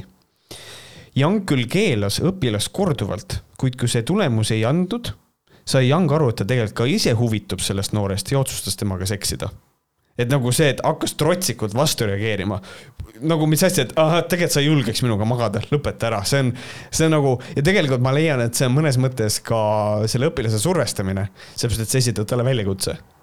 aga sa ei julgeks niikuinii mm.. ja siis nagu see, see on nagu this is so fucking bad nagu mm. neiu, lõpeta ära. kui te ekslikult arvasite, et äh, võhkarid selles äh, haigushoos räägivad äh, sellest Prantsuse lütseumi õpetajast, kes seksis kõikide noorte tüdrukutega seal koolis. no ütleme niimoodi, et utreeritult oh. Äh, siis äh, sellest me rääkisime patroonhäälingus ja et ma soovitaks teil seda ka kuulata, seal me rääkisime ka tegelikult äh, noore mehe ja vanema naise seksuaalvahekordadest ka, nii et minge yeah., see on väga yeah. hea saade on see. ja muide, kui te patroonhäälingut vaatate videoga, siis te näete ühte minu kassi päris pikalt mul süles ja igasuguseid asju tegemas. nüüd on, nüüd on kurb tõsiasi, et see müüs rohkem patrooni kui, kui see, millest me räägime. True. ja siis on veel niimoodi, et Young paljastas kohtus, et eelmisel suvel, kui karantiini leevendati, kohtus ta teismelisega. tal oli kahekümne kaks tuhat kakskümmend aasta juunis ja juulis õpilasega mitu seksuaalset kohtumist, vaata kuidas sa öeldud. Mul oli temaga mitu seksuaalset kohtumist. see kõlab hästi, äh, hästi professionaalsena. ametlikult. see kõlab. tulevad, tervist, tervist. kusjuures, oota, see kõlab nagu, see, see, kõlab, mida ütleks professionaalne prostituut. ja mul oli tõepoolest oma kliendiga mitu seksuaalset kohtumist ja nende tulemusena jõudsime kokkuleppele, et täitsa sihukene asi, jah leppisime kokku vaginaalses. vaginaalses äh, intercourse'is ja siis äh, saime asja tehtud mm. -hmm. Põkkusime väljas, oota, kas see oli siis, sa ajasid mind naerma. naise sõnul seksisid nad kaks või kolm korda väljaspool kooli ja paar korda koolis. täiesti That's my boy film, Adam Sandleri film, ülihalb, ta on nii halb film, et ta on ülihea. lisaks Eurotripi, vaata see callback. lisaks äh, kinnitas õpetaja, et äh, oli iga kord äh, ise algatajaks. kohtuistungil puhkes Young nutma, ütles, et kahetseb väga sügavalt tehtud ning ei tahtnud lapsele haiget teha tere, ma tegelikult, sorry, ma ei saa seda perspektiivi mitte näha. meie toksilised maskuliinne ühiskond. ma nagu mõtlen, et sellel hetkel pidi, kui sa oled täiesti, perses, see poiss nagu, sa seksid oma noore õpetajaga koolis. selle poisi peas pidi mingil hetkel olema, et türa, this is the life. ja, ja kindlasti. ma kujutan ette, ta rääkis ka veel oma sõpradele, kõik pani nukka see on fuck see on dream et nagu true. ma saan, ma saan absoluutselt aru, et siin on, et see on, kõik on sügavalt ebaeetiline, nõme ja loll ja kõik, aga ma ei saa seda nüanssi mitte näha, et seal on nagu, sest et mul, fun fact, ma käisin. õpetajaga seksimas? ei, mina mitte. sa ei ole ühegi õpetajaga aeg seksinud või? olen I know. jaa, ta on mu abikaasa I know. et aga see, et kus see oli kaitseväes oli niimoodi, et äh, mingid kutid hakkasid seal vaikselt oma mingisugused seks, sekskapeididest nagu rääkima. ja siis äh, üks kutt oli hästi vaikne ja ütles, okei okay,, kuulge, ma saan aru, te räägite siin lahedaid lugusid, aga ma olin kaks aastat oma ühiskonnaõpetuse õpetajaga fuck buddy. ja siis mul oli nagu see, et türa päriselt ka või, et nagu ja lihtsalt ma mäletan see, kuidas ta seda rääkis ja nagu ta oli ikka mega rahul oma eluga et selles mõttes, kuigi see, mis ta tegi, on nagu, nagu heavily fucking bad nagu, et see on nagu halb. aga, ja just nimelt nagu sellepärast äh, ma nagu näengi seda poolt ka selles asjas, et see on nagu, otse loomulikult ma mõistan selle kõik hukka, aga, aga that boy though Jeesus Kristus, tal pidi olema see hetk ühel hetkel, et I m the fucking king of the world. kindlasti oligi. et nagu suht insane. aga see. mul tuli üks lugu tuli veel meelde, mis ma nägin siin, äh, ka oli üks uudis, mida meil siin ei ole küll sisse pandud, et äh, et keegi oli teinud Tiktoki video, kus ta sai teada, et tema poeg on tema onu. Wait hmm?, tema poeg on tema onu hmm.? see oli siis niimoodi, et nad olevat olnud äh, siis selle tüübi vanaisa juures elanud. You get it? Oh my god. ja vanaisa võrgutas tema kauni naise. Oh my god. tegi temaga hänki-pänki astus temaga seksuaalvahekorda. ja siis astus. ta astus temaga seksuaalvahekorda. Neil oli see kokku, oota, kuidas see oli kirjas? Nad, äh, Neil oli seksuaal. tal oli, jaa, tal oli äh, ütleme, siis sellel naisterahval oli siis koos selle tüübi vanaisaga. seksuaalne äh, kohtumine. mitu seksuaalset kohtumist mm, -hmm. ma arvan. ja siis sellest tuli nagu siis love child. aga siis nagu see mees ise oli siis nagu kasvatanud seda last nagu juba siin aastaid, kuni ta vist äh, oli sealt äh, telefonivestlustest või kuskilt oli siis nagu läinud mine minevikku ja leidnud selle siis vahva tõe, et tema poeg on tegelikult tema onu. see kõlab nagu mingi Ladina-Ameerika seep. see kõlab nagu vaprad ilusad, kus kõik kuradi... on kõik onud ja tädid ja elavad kõigi. armastuse poekarjäär, mingi sihuke aga see, kohe mind pani see nagu mõtlema, kui, kui, vot see oleks üks hirmsamaid asju, mida nagu teada vist saada mm. -hmm. ma arvan, et teada saamine, et sul on vähk, ei ole ka vist nii hirmus, kui see selline teadmine? ma arvan, et on hullem, sellepärast et see on lihtsalt, see on nagu lihtsalt nagu, nagu top, mida vittu reetmine nagu. ei, sul on õigus, vähk on. vähk on hullem ikkagi. vähk on nagu päriselt on minu kõige suurem hirm mm. -hmm. ma olen elanud nagu terve, terve aastakümneid selle hirmu eest, ma saan vähi. kust see tuleb, ma ei tea mm. -hmm. aga noh, see, et mul naine töötab nagu vähiõe, õena niinimetatud onkoloogias aga see kuidagi ei kergenda seda asja. jah, jah, just.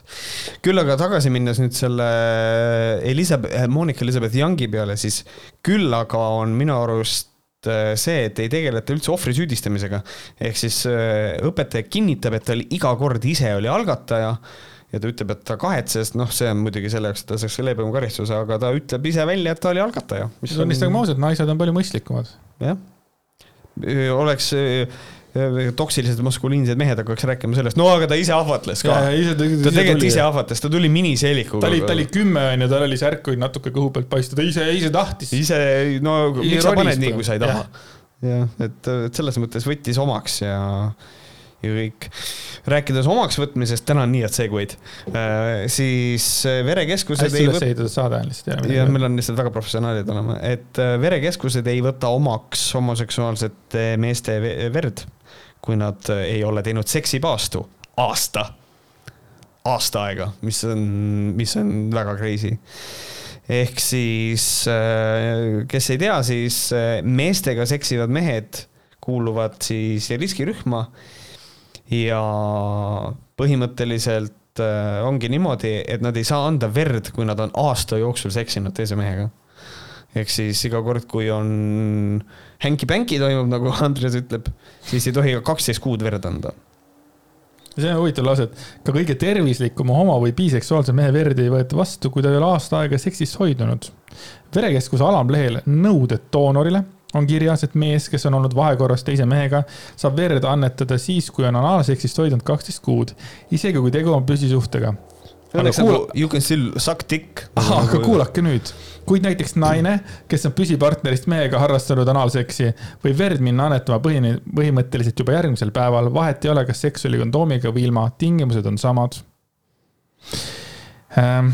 jah, ja siis tegelikult siit joonistubki välja see, et noh, asi ei ole asi ei ole nagu pattseksis tegelikult. asi ei ole naaseksis, jah. et, äh, et äh, nagu ütles Terviseameti nakkushaiguste osakonna peaspetsialist, siis ähm, vastavalt teaduspõhistele andmetele, äh, lähtudes epidemioloogilisest olukorrast, kuuluvad meestega seksivad mehed HIV sugulisel teel levivate haiguste ja A ja B viirushepatiidi riskirühma ehk siis seal taga on lihtsalt see, et kuna nende hulgas on statistiliselt rohkem haigeid, siis nad ei taha seda riski võtta. mis äh, otse loomulikult tekitab küsimuse, et kui on geimehed, kes on reaalselt omavahel püsisuhtes, äh, aga neile meeldib vahepeal äh, mängida Cave Explorerit, siis vabandust, need, meile hänki-pänki teha, siis, siis on minu arust arusaamatu tõesti, et miks, miks nad ei tohi verd anda aga ma saan aru, et verekeskus lihtsalt ei taha seda äh, riski võtta. et äh, aga äkki neil on mingisugused kõrvalsuhted, mis on asi, mis võib eksisteerida ka heterosuhetel, nii et see ei saa see asi selles olla, et see on tegelikult natukene, see, see on natukene nõme olukord, et seda äh, tuleb nagu tunnistada. aga siinkohal me jõuame asjani, mida nagu kindlasti ei ole nõus Varro Vooglaid ja Markus Järvi, on see, et seda saaks, seda, et meestega seksivad mehed on rohkem äh, haiged, seda saaks tegelikult ennetada ja sellega vastu saaks sõdida, aga see eeldab korralikku seksuaalkasvatust ja see peaks propageerima turvaseksi samasooliste paaride vahel. aga see on ju propaganda. et äh, ma mõtlen seda, et vana võiks lihtsalt kolida, kolida fucking Ungarisse, tal oleks palju lihtsam elu aga et äh, tegelikult, kui me suudaks, nagu see Kumm on seks, kus oli kaks meest oli pildi peal, see oli õudne probleem ja oma propagandaga, kusjuures aga tegelikult sellised asjad aitavadki vähem äh, no, sellistel haigustel levida.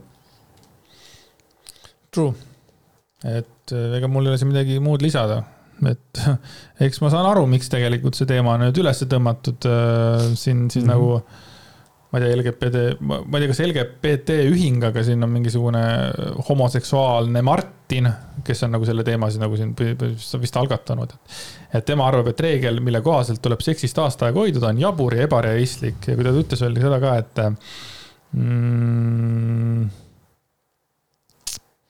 ah, et võib juhtuda, et elu läheb nii, aga ma ei usu, et keegi konkreetselt vere annetamise pärast seksist aasta aega hoiduks see reegel ütleb seda, et mehed on, kes on seksuaalvahekorras teiste meestega, oleks justkui suguhaiguste kolded, aga minu arvates me seda kindlasti ei ole ehm,. jah, selles mõttes, et äh, ma lihtsalt mõtlen, et, et mis, mis inimene see peaks olema, kes, kelle vist nagu mingi kõige suurem unistus või kõige olulisem asi elus on käia verd andmas. ja nüüd on niimoodi, et kas sa oled mees või naine, whatever, kuidas see on, aga et noh, ütleme, et noh, et aasta aega ei tohi seksida, siis saad verd andma minna. See on ikka ja, täiesti ma ei, ma ei seksi sinuga, Kaspar, Pille, Silvia, Kalle, Monika Kert, ma ei seksi teiega.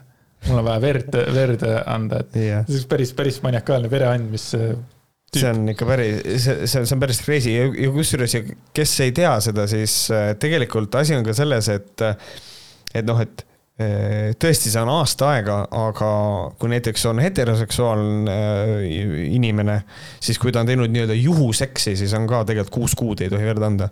et selles mõttes, et see ei ole ainult asi, mis nagu puudutab ainult äh, homoseksuaal, aga millegipärast on see kuus kuud ja neil on topelt, et see on, ma ei saa aru. no igatahes nüüd vähemalt homoseksuaalid teavad, et nad ei räägi sellest, et, et nad on homoseksuaalid ja nii edasi, et selles mõttes, et, sest nad ei saa enam verd anda muidu mm. -hmm. mis ei ole ka nagu üldsegi sugugi nagu, ei ole ka, ei ole ka nagu hea huvitav on see, et kui ma neid kommentaare vaatasin, siis iga see esimene, iga nagu, ma ei tea, iga esimene kommentaar oli kustutatud. jah, sellepärast, et seal on mingid ja et ma juba kujutasin ette.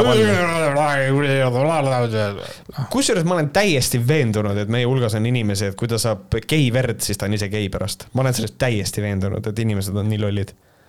ma arvan, et musta verd ka ei võeta, kui sa oled valge ja rassist, noh jah, õnneks sellest saab aru, sest et see veri on tumedam, ma ei tea, mingisugune, seal on kindlasti mingeid siukseid inimesi ka, et, et kardavad, et uh, I m gonna catch the gay mis on, äh, mis on nagu suhteliselt veider, et äh, iseenesest äh, ma saan sellest põhjendusest aru, et tegu on riskirühmaga, aga see nagu suunabki siis selle nii-öelda selle probleemi ikkagi sinna, et meil tegeletakse seksuaalkasvatusega ja turvaseksiga vähe, et, et seda saaks läbi selle oluliselt parandada aga meie poliitkliima ei luba seda teha.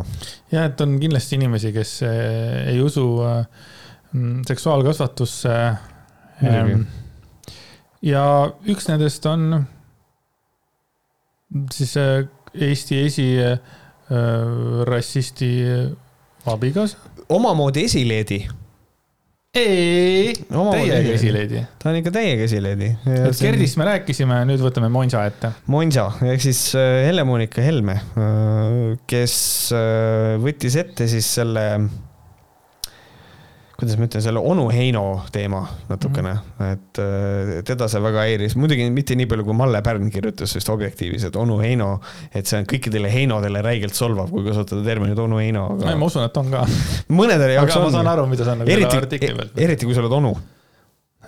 kas onu Heino tuleb ka täna külla? You fucking little shit How, how fucking dare you? ja muidu ma Twitteris korraldasin mingi aeg tagasi küsitluse, et äh, kes on äh, rohkem tädi Heino ja ma panin võistlema siis Gerd Kingo ja Helle-Moonika Helme mm -hmm. ja kui ma ei eksi, siis Helle-Moonika Helme võitis, aga ma kohe vaatan üle. niikaua, kuni sa võtad artikli ette ehm,. nüüd äh, põhimõtteliselt äh, siis kogu sellest, äh, võib-olla te mäletate, Kaja Kallas sõimati küll bipolaarseks ja mida iganes sellest. ja siis Helle-Moonika Helme kirjutas sihukest asja, et ähm, viiskümmend üks protsenti Helle-Moonika Helme, nelikümmend üheksa protsenti Gert Kingo, nad on äh, võrdsed kurat, see on nii pooleks. But still, you know, win is a win, ega kuradi, ega saja meetri jooksu võidetakse ka millisekunditega, noh jep, see on ikka, see on ikka väga hea, aga eh, Helle-Moonika Helme siis eh, kirjutas, et kui Kaja Kallas oleks Reformierakonna esimeheks saades lugenud raamatut Kuidas leida sõpru ja mõjutada inimesi, ei oleks ta nüüd olukorras, kus ta peaministrina seisab umbusalduse Riigikogu ees ja pahuralt tsiteerib raamatut Kuidas mölakatega hakkama saada. ja siis ta kirjutab, et Riigikogus muide ei ole mölakaid, Riigikogus on rahvalt mandaadi saanud poliitikud, valitsuse ja peaministri tööandjad, kes viivad ellu oma valijate tahet ning kui osadele valijatele valitsusele ei meeldi, mida valitsejad ette võtavad, siis on need omavahel Riigikogu saadikutel suisa kohustus küsida kriitilisi küsimusi ja pärida aru. nüüd ta millegipärast arvab, et see välistab mölakad mm. -hmm, ma mõtlen ka, et Riigikogu on ju äh, meie noh, need, kes, need, kes me oleme, kuidas see hea sõna on no,?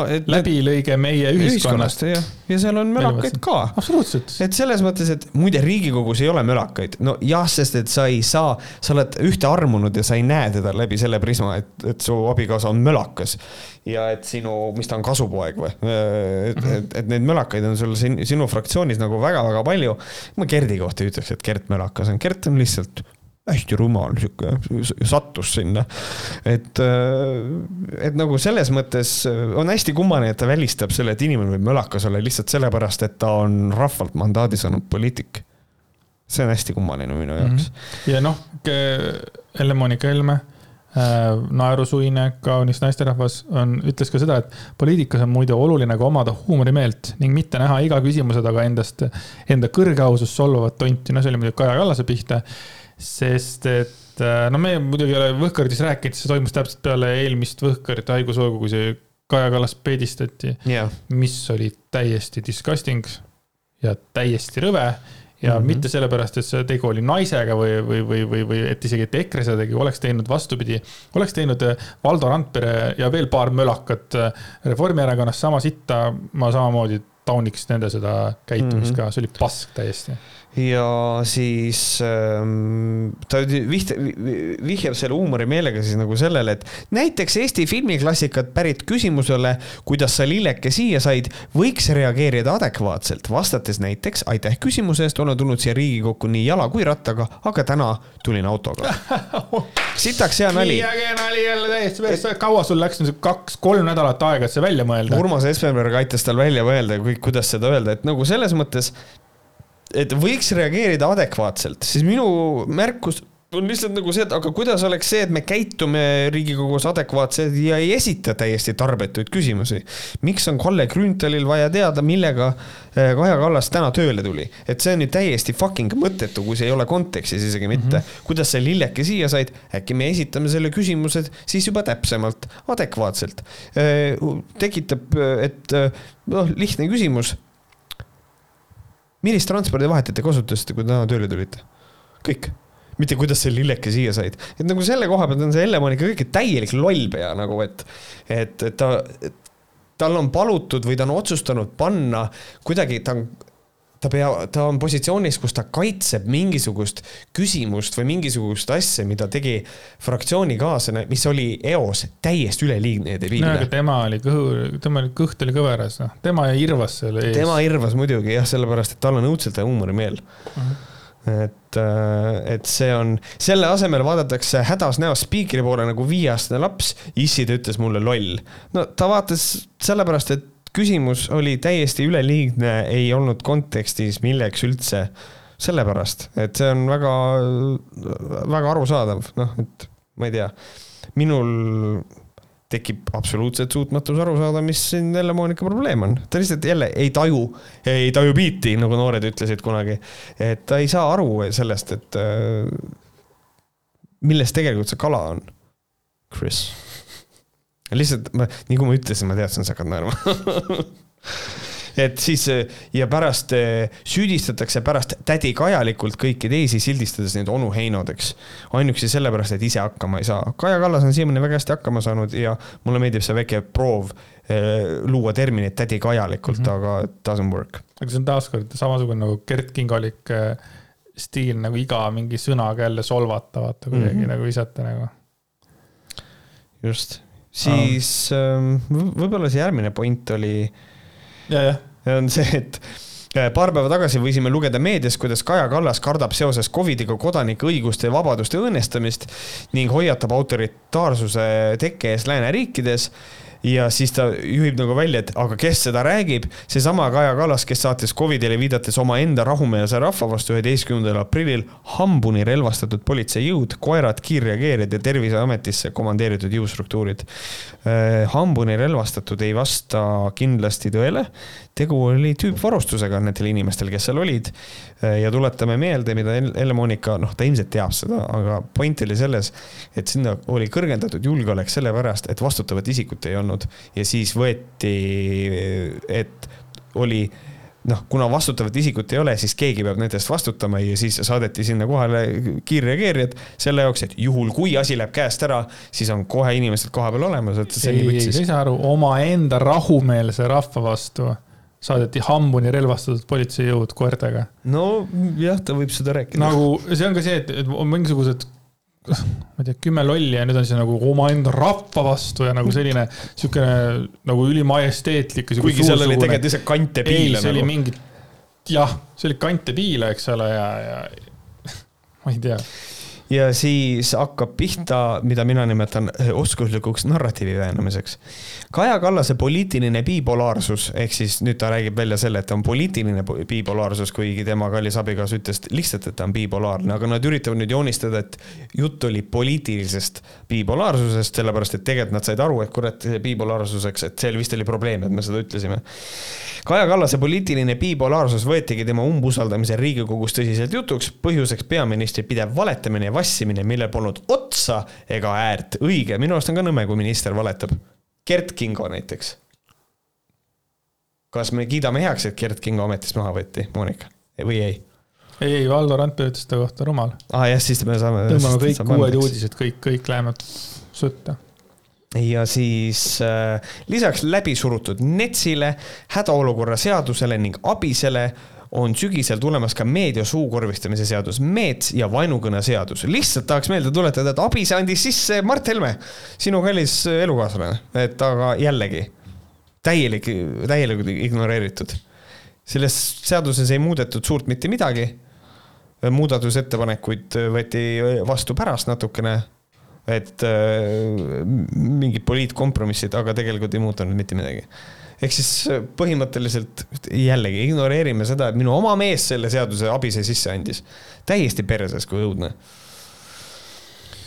ja, ja siis Päevaleht oli siin teinud äh, väiksed äh, nopped, et, ähm, et, et nagu siis, nagu siis Mart Helme ütles tegelikult või kus siin on kirjas, et nimetas peaminister Kaja Kallase umbusaldushääletuse eel Kallast bipolaarse häirega inimeseks. sõnapari poliitiline bipolaarsus toona ei kasutatud, et ma tahtsin just öelda sulle, et, et minu arvates see ei olnud nagu üldsegi nagu osavalt Elle-Moonika poolt äh, tehtud, sa ütlesid, et osavalt äh, mingi narratiiviga mängima või mis sõnad iganes sa ütlesid, onju Mm -hmm. et, et see ei olnud osavalt, minu arust see on nagu täitsa ebaosavalt, seepärast et ta ütles ju täpselt, et Kaja Kallas on bipolaarse häirega inimese yeah., inimene on ju. ja siis et... pärast tuleb see jutt, ma saan sellest nagu aru, et selles mõttes ta on ebaosavalt, aga, aga ma arvan seda, et äh, ma juba kujutan ette, et kui keegi ütleb, noh, ta nimetas teda bipolaarsega häireks, ei, see oli poliitiline bipolaarsus, seda ju öeldi et see on, toimub jälle niisugune. mida veel Mart Helme ütles, härra eesistuja, kas oleks võimalik kuidagi esineja adekvaatsust kontrollida, minu meelest esineb meile siin bipolaarse häirega inimene, kes ei saa aru, mis positsioonis ta praegu on, mida temalt oodatakse, mida temalt küsitakse see oli siis nagu teine kord, kui ta ütles bipolaarne mm. Kaja Kallase kohta, kolmas kord.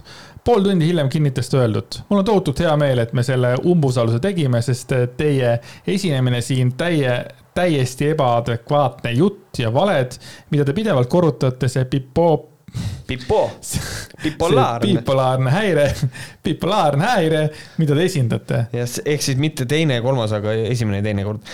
ehk siis ähm,, ehk, ehk, ehk siis jah, ta nagu double down on, et, et ta ikkagi nimetas teda bipolaarse häirega inimeseks ja nüüd nad üritavad teda siis natukene siin äh, natukene kuidagi nagu maha võtta, küll aga mis oli nagu tore, on see, et kuna tol ajal istus puldis, Mardil on jube hea öelda sihukest asja, protseduurilist küsimust esitada, kui ta oma fucking kuradi poeg äh, on, äh, on spiiker ja siis Sikkut esitas ka protseduurilise, ma nimetaks seda märkuseks ja Sikkut ütles seda, et meil on sajad inimesed, kes teevad iga päev tööd, et vaimse tervisega seotud stigmasid vähendada. meil on kõigil füüsiline tervis, meil on kõigil vaimne tervis. ligi pooli meist tabavad elu jooksul vaimse tervise mured, need inimesed peavad julgema seda tunnistada, nad peavad abi otsima, abi saama ja siin saalis me peame selliseid tervishoiu eesmärke kõikide sõnavõttude puhul silmas pidama asi ei ole ainult nii-öelda diagnoosimises või mittediagnoosimises, aga kogu see suhtumine vaimse tervise muredesse on täiesti taunitav ja häbiväärne. ehk siis see oligi tegelikult etteheide juba Martin Helmele, et ta ei kutsunud oma isa korrale, aga kuidas sa kutsud isa korrale, kui sa oled äh, traditsiooniliste pereväärtuste äh, nagu poolt, siis ikkagi su isa on sinust kõrgem, sa ei saa talle öelda midagi. jah, see on nagu veits, veits nadi jah, tegelikult kutsuda isa korrale mm. -hmm see, see oleks muidugi tore. isa, isa, kuule tõmba tagasi natuke. tõmba, ole hea, tõmba tagasi. poiss, sina ole seal üldse vait. kuule, sa ole üldse vait, sa oled ka kuradi tolgus, kuradi lapsest peale mõtlesin, et sa oled gei.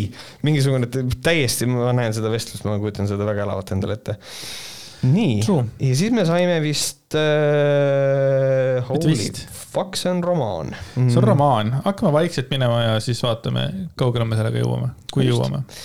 ehk siis saime kirja äh,. tere, võhkarid.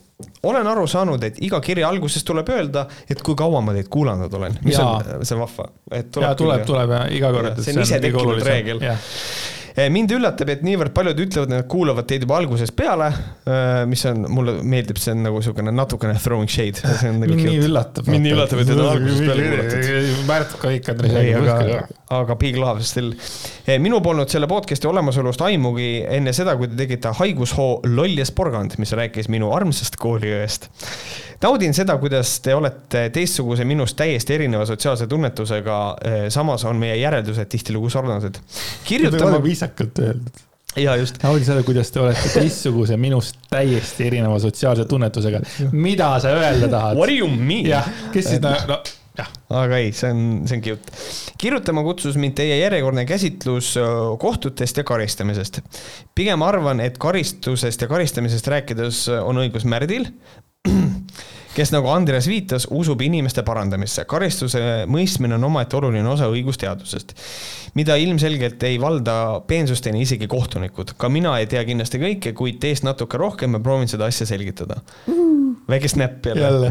mulle meeldivad siuksed kirjad, veits on nagu see, et äh, kõik on nagu hästi, vaata, see on sihuke, kuidas ma ütlen, see on selline äh, komplimendi võileib. This is amazing sa võiksid seda osasid parandada, sellepärast et sa panid siin täiega mööda, aga kõik muu on hästi, see on, mulle meeldib, see on tegelikult, see on väga pedagoogiline lähenemine, see on õige. minu arust ta pani meile mitu pauku siin tegelikult. ja need on ära teenitud paugud, selles mõttes. esimene punkt. kui sa nii arvad? üldiselt karistamisest isiku karistamise kohta on leitud, et sellel on erinevad mõjud. esiteks üldsuse kaitsmine kurjategija isoleerimisega, teiseks kurjategija taunimine talle karistuse kohaldamisega kolmandaks, kurjategija selline mõjutamine, et uusi kuritegusid toime ei paneks, ehk sisuliselt isiku kasvatamine, võib ka öelda parandamine, nagu Andreas kasutas. Või nagu mina ütlen, rehabiliteerimine. See loetelu pole kindlasti ammendav, see on pigem kaldu viimase poole ja minu hinnangul esimene ei ole tänases õiguskorras niivõrd tähtis karistuse määramisel võetakse arvesse nii karistuse alam- ja ülemmäära, aga õigusteoorias räägitakse ka nii, eh, niinimetatud eh, see on nagu, ma tahan inglise keeles öelda prevention itest, aga see on preventsioonidest. on üldpreventsioon, mida võib mõista kui õiguskorra kaitsmise huvisid. Eestis on loobutud nii-öelda hirmutamispreventsioonist, mis seisneb konkreetse inimese, inimesega karistamisega teistele hirmutava eh, toime avaldamises kui see on teie jaoks keeruline, siis selle nimi on näidispoomine. no ma tahtsin öelda, et kui see lause oli teie jaoks keeruline, siis meil oli väga lihtne, üli, üli, ülilebane, väga arusaadav.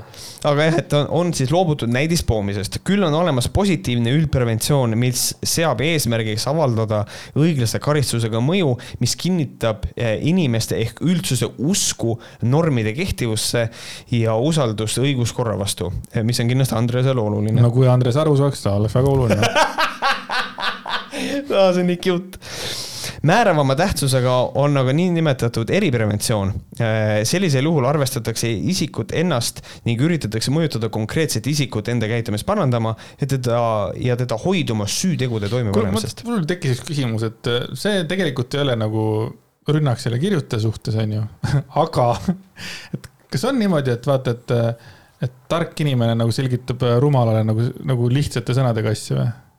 Äh, see ei ole niimoodi, sellepärast et tihti, ma tean ise seda omast käest ka, et äh, kui sa oled mingi teemaga hästi tuttav, siis sul juhtub see, et seal, äh, siis see sõnavara on sinu jaoks niivõrd normaalne, et sa eeldad, et kõik oskavad seda, et. sest, et ma tunnistan ausalt, et minul kadus täielik huvi selle kirja edasilugemisest et, et siin on nagu, no siin on lihtsalt, et ähm, no näiteks, et on olemas positiivne üldpreventsioon, mis saab eesmärgiks avaldada õiglase karistusega mõju, mis kinnitab inimestele ehk üldsuse usku normide kehtivusse ja usaldust õiguskorra vastu, mis tähendab siis nagu seda, et äh, me karistame inimest, noh, muidugi me, ma ei taha öelda, siis kohe hakkame karistama. Äh, mille siis, noh, ma, ma tahan juba samu sõnu kasutada, et selle äh, et me nagu näitame inimestele, et meil on mingisugused normid, millest on vaja kinni hoida et noh, et see ongi mingisugune, et noh, mina näen selle pealt, ma toon kõige hästi labase näite, et nagu ma ei tea, avalikus kohas urineerimine, noh. et me karistame inimesi, et me näitame sellega, et nagu ärme urineeri avalikus kohas. meil on mingid normid, norm ütleb seda, et me ei tohi avalikus kohas urineerida, põhimõtteliselt. tead, äh, ma väga vabandan, ma lähen punkti juurde number kaks, Maire Aunastest sest et see on nagu palju põnevam. sest et see kõnetab sind. Esiteks, Mairet oli kunagi tõepoolest karistatud sama asja eest. oluline on aga tähele panna, et see oli kaks tuhat neljandal aastal ehk see karistus on ammu kantud ja kustutatud. arhiveeritud ehk karistuse registrist kustunud karistust ei tohi kohus karistuse mõistmisel arvestada. järelikult oli kohtu silmis tegemist Maire esmakordse rikkumisega. Cool mm. -hmm Ähm, sest et äh, sa vist tead, et meil on ju tegelikult äh, karistatud äh, joobes peaga eest ka meie presidenti ma, ma jah, ma olen sellest kuulnud jah mm. -hmm. et noh, äkki ähm, oleks võinud temaga kinni panna mingiks ajaks, et ega see ei tähenda minu jaoks, et see on õige mm. -hmm. et äh, aga selles mõttes, et äh, kuna see nii kaua on sellest aega möödas, siis see nagu seletab seda, miks seda nii-öelda ei võetud arvesse. tore ähm teiseks, et asi ei oleks liiga ühepoolne, siis vastulausena Märdile rõhutan, et joobes juhtimisel karistataksegi abstraktse ohtlikkuse eest. ehk tegemist on teodeliktiga, mis ei eeldagi ühegi negatiivse tagajärje saabumist. me kaitseme joobes juhtide karistamisega üldiselt inimeste elu ja tervise ohtu panekut ning ühiskonnana peame seda niivõrd karistamisväärseks, et me sekkume enne, kui midagi päriselt juhtub. mis on asi, millega ma olen nõus, ma saan aru, et et me karistame inimest nagu selle eest, et ta on ohtlik. et see on asi, millega ma olen nõus, aga noh, mul on ikkagi see, et see on oluliselt üldisem kui see suhtumine, et noh, oleks võinud see asi juhtuda ja, ja siis, kuna me inimest juba selle eest karistame, siis me ei saa karistada inimest sellesama asja eest uuesti, mis nagu, nagu näitab, noh, ma toon siis näiteks selle sinu näite. inimest karistati joobes juhtimise eest, siis me ei saa sinna veel otsa mõelda seda, et ta oleks võinud kellegi näiteks alla ajada, sest et see on sama asi. et, et selles mõttes ma olen üldiselt, ma saan sellest pointist aru, see on väga hea täpsustus. ja, ja, ja mind nagu esmakordselt see kiri kõnetas ja mitte ainult sellepärast, et äh, no mul lihtsalt meeldis võib-olla see, kuidas ta seekord selle asja nagu äh, pani niimoodi kirja. võib-olla nagu mina oleks võinud rääkida, aga kuna minu emotsionaalne ränd on nagu see, mida paljud ootavad, siis ma ei hakka ometigi tarka juttu rääkima või noh rasket sõna kasutama. kolmandaks, väheoluline ei ole ka see, et Maire võttis kõik omaks ja oli nõus asja kiiresti menetlema. ta sõlmis prokuröriga kokkuleppe. kui oleks olnud täielik üldmenetlus, kus oleks pikalt istungeid peetud, siis tõenäoliselt ei oleks prokurör nii leebe karistusega leppinud. arvestades, et sellise kuriteo puhul on õigeks mõistmise tõenäosus väiksem kui null koma üks protsenti, siis oli kokkuleppega asja lahendamine tavapärane ja mõistlik, mistõttu sai ka tema karistus väiksem mina arvan, et Mairele mõistetud karistus oli kohane, mina arvan, et ei olnud lisaks on ta vähemalt kolm kuud ilma juhtimisõiguseta ning ei tohiks liikluses juhina osaleda, mis ei eh, tähenda, et ta ei võiks seda teha. no aga selle, okei okay,, lähme edasi. jah, ma lihtsalt ülbitsen veits mm. -hmm. sellele kõigele lisandub veel kogu negatiivne tähelepanu ja ka töökaotus, puhuu. arvestamata viimasega oleks mul väga raske põhjendada, miks Mairet mõjutaks paremini see, et ta läheks näiteks pooleks aastaks vangi. olgu, et ta pani inimesed ohtu, siis me ei saavutaks mitte midagi sellega, kui ta läks reaalselt vangi. Mm, ei ole nõus kolmas, Kalvi Kalle karistamisest. ma olen Märdiga sama meelt, et Kalvi Kalle karistus on pigem kohane. oluline on ikkagi isiku survestamine õiguskuulekalt käituma. isiklikult arvan, et pigem oleks olnud õige juba kolmandal korral vähemalt šokivangistus määrata. teisalt on Kalvi Kalle ka sattunud paratamatusse lõksu. ta võib olla suurepärane autojuht, kuid ta kuid tal ei olegi võimalik juhtimist õigust saada, sest ta on pidevalt liiklusalaste süütegude eest karistatud. see on ülihea point. ja vaata seda ma, arust ma ütlesin ka seda, et äkki ta ei saagi ja siis me nagu, aga miks ta ei saa ja siis kuidagi see teema läks mm. -hmm. ja see on tõesti äh,, aitäh selle infokillu eest. see on hea point jah, äh, sest et, sest et, sest et tõepoolest ta ei küll seal on nagu see mingi enda selline moderatsioon, et nagu fuck ära, istu rooli, tamfuck, nagu istu, istu ilusasti vanglas ära, oled vabaduses, ära istu rooli ja tee load lihtsalt tee endale load. no jaa, aga Kalvi Kallel puudub minu arvates nagu arusaam nagu sellest äh, ühiskonna reeglitest, minu arust ta puudub päris palju nagu. Fuck the police coming straight from uh,. proovi abielu, yeah, saved it, väga hea, saved it jah, ja neljas lisa avaldamisest. see ei puutu nüüd karistamisesse ja on täiesti teine valdkond, aga Märt mainis üks saade, et ta lihtsalt tsiteerib, seega pole te, pole tema seda öelnud ning ei vastuta avaldatu eest tegelikkuses loetakse sind ka teiste tsiteerimise avaldajaks, mis tähendab, et kas sina kui uus avaldaja vastutaksid ebaõigete faktiväidete avaldamise või au teotamise eest. see on pigem noriv tähelepanek, loodan, et sellepärast ei jää mahlakad tsitaadid edaspidi avaldamata.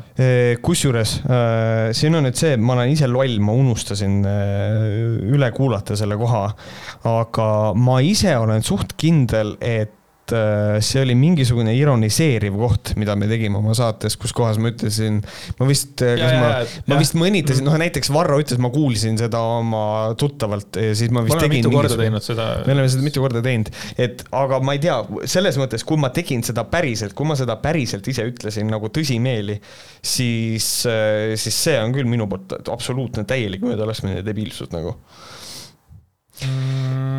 Ja siis kirja ah, lõpus. oot, oot, oot, oot, korra jääme siia lausesse kinni. et ta lihtsalt tsiteerib, seega pole tema seda öelnud ning ei vastuta avaldatu eest. ma natuke olen segaduses selle lause peale, et kui me räägime, kui ma loen ette, mida Porgand on kirjutanud kui sa levitad mi... midagi. ei, aga kus, mis see minu vastutus on, kui ma ironiseerin selle kallal või? ei, no aga see ongi. ma tsiteerin seda. jaa, aga kui me, kui tema räägib sellest, et vaata, meie rääkisime, et me ironiseerisime, tema räägib sellest, kui sa ei ironiseeri. Ponjal mm,. Ponjal sa ütlesid Ponjal või? jah yeah uskumatu ma võin sind kui ma oleksin loll äh, porgandi jälgija mm -hmm. ja ma jagaksin seda ja räägiksin päriselt, et see ongi nagu hea ja,. jah, siis vastutad jah? ma, sellepärast, et. kui sa levitad valeinfot näiteks no keegi ei vastuta tänapäeval valeinfo levitamise eest. Eh, mm, kinda, oleneb olukorrast, et selles mõttes, kui sa, kui sa hakkad rääkima, et homme pannakse Tallinn lukku, siis sinuga võetakse ühendust. no kas võetakse? jah aga kui sa kirjutad, et äh, miks Tallinna teed on nii äh, kitsad, et te ei saaks põgeneda, kas kedagi kotib või mm,? või on lubatud ole... või, või on nagu puhta debiilidel lubatud lolli jutada? ei, ma arvan, et see ei ole nii otsene, aga vaata, kui meil levis see, et Tallinn pannakse lukku, see levis kulutulena, siis seal oli küll see. ei, ei no ma saan aru, aga Kalle Grünthal on ka rääkinud selliseid asju ja ta ei vastuta mitte millegi eest ju. ja nad sõimavad seal üksteist jumala pohkult nagu ma saan aru, et kui sa kirjutad nagu mingisuguse inimese kohta kommentaari ja too inimene, kelle kohta sa kommentaari kirjutad, võtab endale Robert Sarve, jah, siis sa vastutad iga asja eest. sa ütled, et Brigitte Susanne Unt ei ole kaunis inimene ja sa saad kuue tuhande eurose nõudekirja ja istud kolm aastat kinni, no see on teine asi, vaata. no kinni ei lähe selles mõttes, aga okei okay,, ma saan aru. see oligi jälle üle paisutatud äh,. aga, aga noh, see, aga, aga sa ütled, et nad ütlevad üksteisele Riigikogus asju, aga vastaspool ei ole teinud midagi. siin on selle asemel vaja ka mõelda, keegi ei ole vastaspoolest võtnud Riigikogus, ei ole võtnud endale Robert Sarve. või see ongi ainult siis ongi Robert Sarv. ainult Robert Sarv. ainukene noh, inimene, kes paneb tegelikult vastutama meid kõiki, on Robert Sarv. jah. nii et kuivõrd mõjukas, ma tahaks näha järgmise aasta mõjukate tabelit. eelmine aasta oli Martin Helme oli number üks, onju järgmine aasta on number üks Robert Sarv, see on tükk tühja maad, siis on Uno Kakspekk või, või mis see tüübi. Kakspekk on muidugi hea nimi. mis see tüübi nimi on? ja, aga igatahes äh, siin on kirjas, äh, jätkake samas vaimus, kui soovite. võin veel mõningaid teemasid õigusalaselt kommenteerida, Jüri. aitäh, Jüri. aitäh on..., Jüri, meil on veel üks jurist. ma just tahtsin öelda, meil on juba olemas äh, nüüd meil mõlemal on jurist.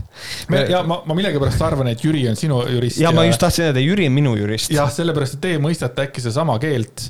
Te olete arvatavasti kõrgharitud, mina olen keskharidusega Gert Kingo äh, koolivend täiesti putsis, kuidas sa devalveerisid oma keskharidust no,. asi ei ole selles, et sa oled nagu keskharidusega, sa oled Gert Kingoga samas koolis käinud. ma olen ja absoluutselt ja ma olen nagu no,, see on, see on minu thing, see on minu thing aga ütleme, Jüri, kes kirja kirjutas, on palja porgandiga käinud koolis.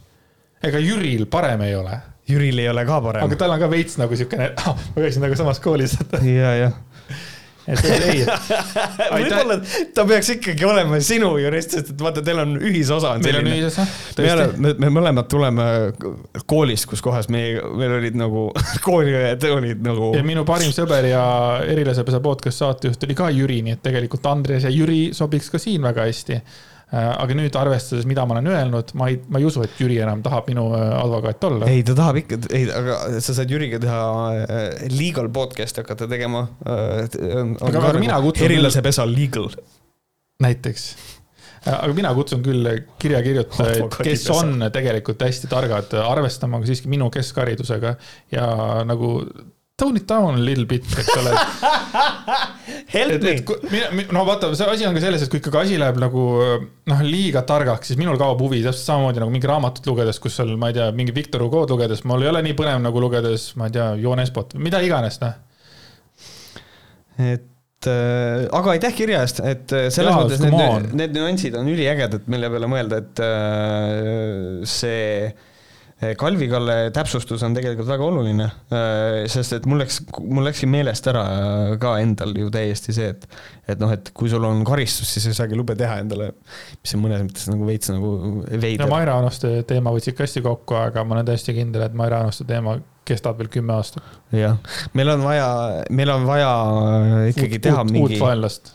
meil on vaja teha eh, see lõplik debatt. Äh, me peame tegema, vaata ongi, me saame äkki teha mingisugune suur festival podcast'i festivalil teha äh, üks-ühele debatt, kus Märt ja Andreas peavad omavahel debatti ja siis on niimoodi, et peab oma seisukohta lõpuni kaitsma nii palju kui võimalik ja siis vaatame, kuidas meil sellega läheb, vot see on mõte piletid peaks, peaks müüma. noh, ma tean. ma parema meelega vaidleks muidugi Kris Kalaga selles mõttes, aga. mul on ka tunne, et ma noh, kuna mul on lihtsalt niivõrd suur austus sinu vastu, siis ma ei hakka sind alandama teiste ees. selles mõttes. vaat nüüd sa panid mul suu äh, kinni. nüüd sa suutsid. ma ei saa nagu tegelikult äh, hävitada midagi, mida mina olen loonud ma ei saa hävitada seda, mida ma armastan ja,. jah, jah, jah. midagi siukest. see, see, see on nagu see probleem muidugi jah. jah aga ma kujutan ette, kui ma ikkagi natuke pikemalt nagu istuksin ja uuriksin seda asja, siis ma suudaksin ka panna mingi, ma kujutan ette, ma suudaksin nagu artikli või kirja näol panna palju paremini selle Maire Aunaste kohta mõtted võib-olla mm -hmm paika, kui ütleme, siin on, siin lihtsalt nagu emotsiooniliselt räntides, sest mina jään ikka enda sõnade juurde. ja, jah, just, ma saan aru, et äh jah, see oleks, see oleks huvitav, aga see on tore, et meil on mingisugune teema, mille peale meil on lihtsalt oh my god, here we go again. aga samas on ikkagi see ka ikka seotud, et ma olen märganud, et noh, ma olen seda varem ka öelnud, et noh, kui on mingisugused pereteemad või mingisugused sellised asjad, mis kuidagi ohustavad, ma ei tea ma ei tea, peret või midagi taolist, siis ma lähen ekstra, ekstra närvi, et kui, kui ma ei oleks, ütleme, värske isa, ma ei tea, kes on nõu-, kes on nõus andma kõik, et lapsel ei oleks halb, on ju, ja siis ma mõtlengi selle peale, et on mingisugused äh, debiilsed inimesed, kes joovad ennast täis ja kolme koma nulliga roolivad, eks ole, ja sõidavad asjadele otsa, eks ole. noh, jah, ma oleks võib-olla mad, on ju, aga seal on kuskil mingi isiklik mingisugune see, et, et mingi hirm mingi Ikka. hirm selliste inimeste puhul ja ma ütlengi, et kui ma ütlesin, et saate alguses kõik need kaheksakümmend üks purjus inimest, kes jäid vahele jaanipäeval, et ma loodan, teie, teiega juhtub midagi, väga palju halba, siis äh, ma jään ka nende sõnade juurde ja teen, et midagi halba teiega juhtuks. et enam sellist asja ei, ei juhtuks. et loodetavasti nad, äh, et kui te teete avarii, siis tehke üksteisega. keegi teine viga ei saaks, selles mõttes. põhimõtteliselt küll, jah aga mina soovin kõigile head. tõstan selle noodi ülesse ja ma loodan, et te kõik, kui te ei ole veel eh, suurepärased inimesed, siis te leiate viisi, kuidas ennast parandada. aga ma arvan, et on aeg saatele joon alla tõmmata, me juba oleme täiesti shameless eh, plaage teinud oma Patreonile, aga teeme veel, et eh, patreon.com kaldkriips Vohkarid on olemas erinevad tierid, kuidas te saate meid äh, toetada, kõige populaarsem on otse loomulikult viieeurone tier, millega te saate lisaepisoodid, mis tähendab teil kuus kahte lisaepisoodi. Think about it, see on mm -hmm. nagu nädalas üks, see on nagu. iga nädal oleme teie kõrvades jah ja kümne eurose tieri puhul on see, et äh, on kaks varianti, kas te nagu tahate meid lihtsalt rohkem toetada ja näidata, et äh, et te olete meiega, mis on üliarmas ja teine asi on see, et te saate meie dokumendile ligipääsu mm, -hmm. kus on noh, meie ütleme kommentaarid, kõik tulevase saate materjalid, et, et, et see on kindlasti nagu suurele Võhkarite austajale. ma arvan, et see on nagu väga äge asi. jah, et äh, ligipääs dokumendile, juhul kui keegi tahab seda näha. ja ütleme, et nii, et Võhkarite Patreon huugab, nii et tulge sinna punti, tulge ka huugajaks. tulge ka sinna huugama, see on lihtsalt, see on praegu crossover episood ja võhkarid at gmail.com, saatke meile meile. nagu te näete, me loeme kõik ette Äh, jah, peaaegu, peaaegu kõik loeme ette. välja arvatud üks kiri. ühe kirja jätsime, ühe, ühe kirja jätsime mitte kunagi ei loe ja ma ei räägi sellest kirjast ka mitte ja, kunagi. et ma loodan, et äh, ma loodan, et sina, kes sa meile kirjutasid, et sul on kõik hästi, ma loodan, et sa leiad endale abi. Äh, aga ei oska lõpetuseks midagi enamat öelda, kui et äh, aitäh, Andreas aitäh, Märt, sulle. et sada tuhat on täis. järgmine nädal saab aasta aega Võhkereid. Ma ei tea, teeme, võtame esialgse plaani, et teeme vähemalt aasta veel. ma arvan küll. vähemalt aasta, nii et aitäh, et te meid kuulate ja tšau. tšau, pakaa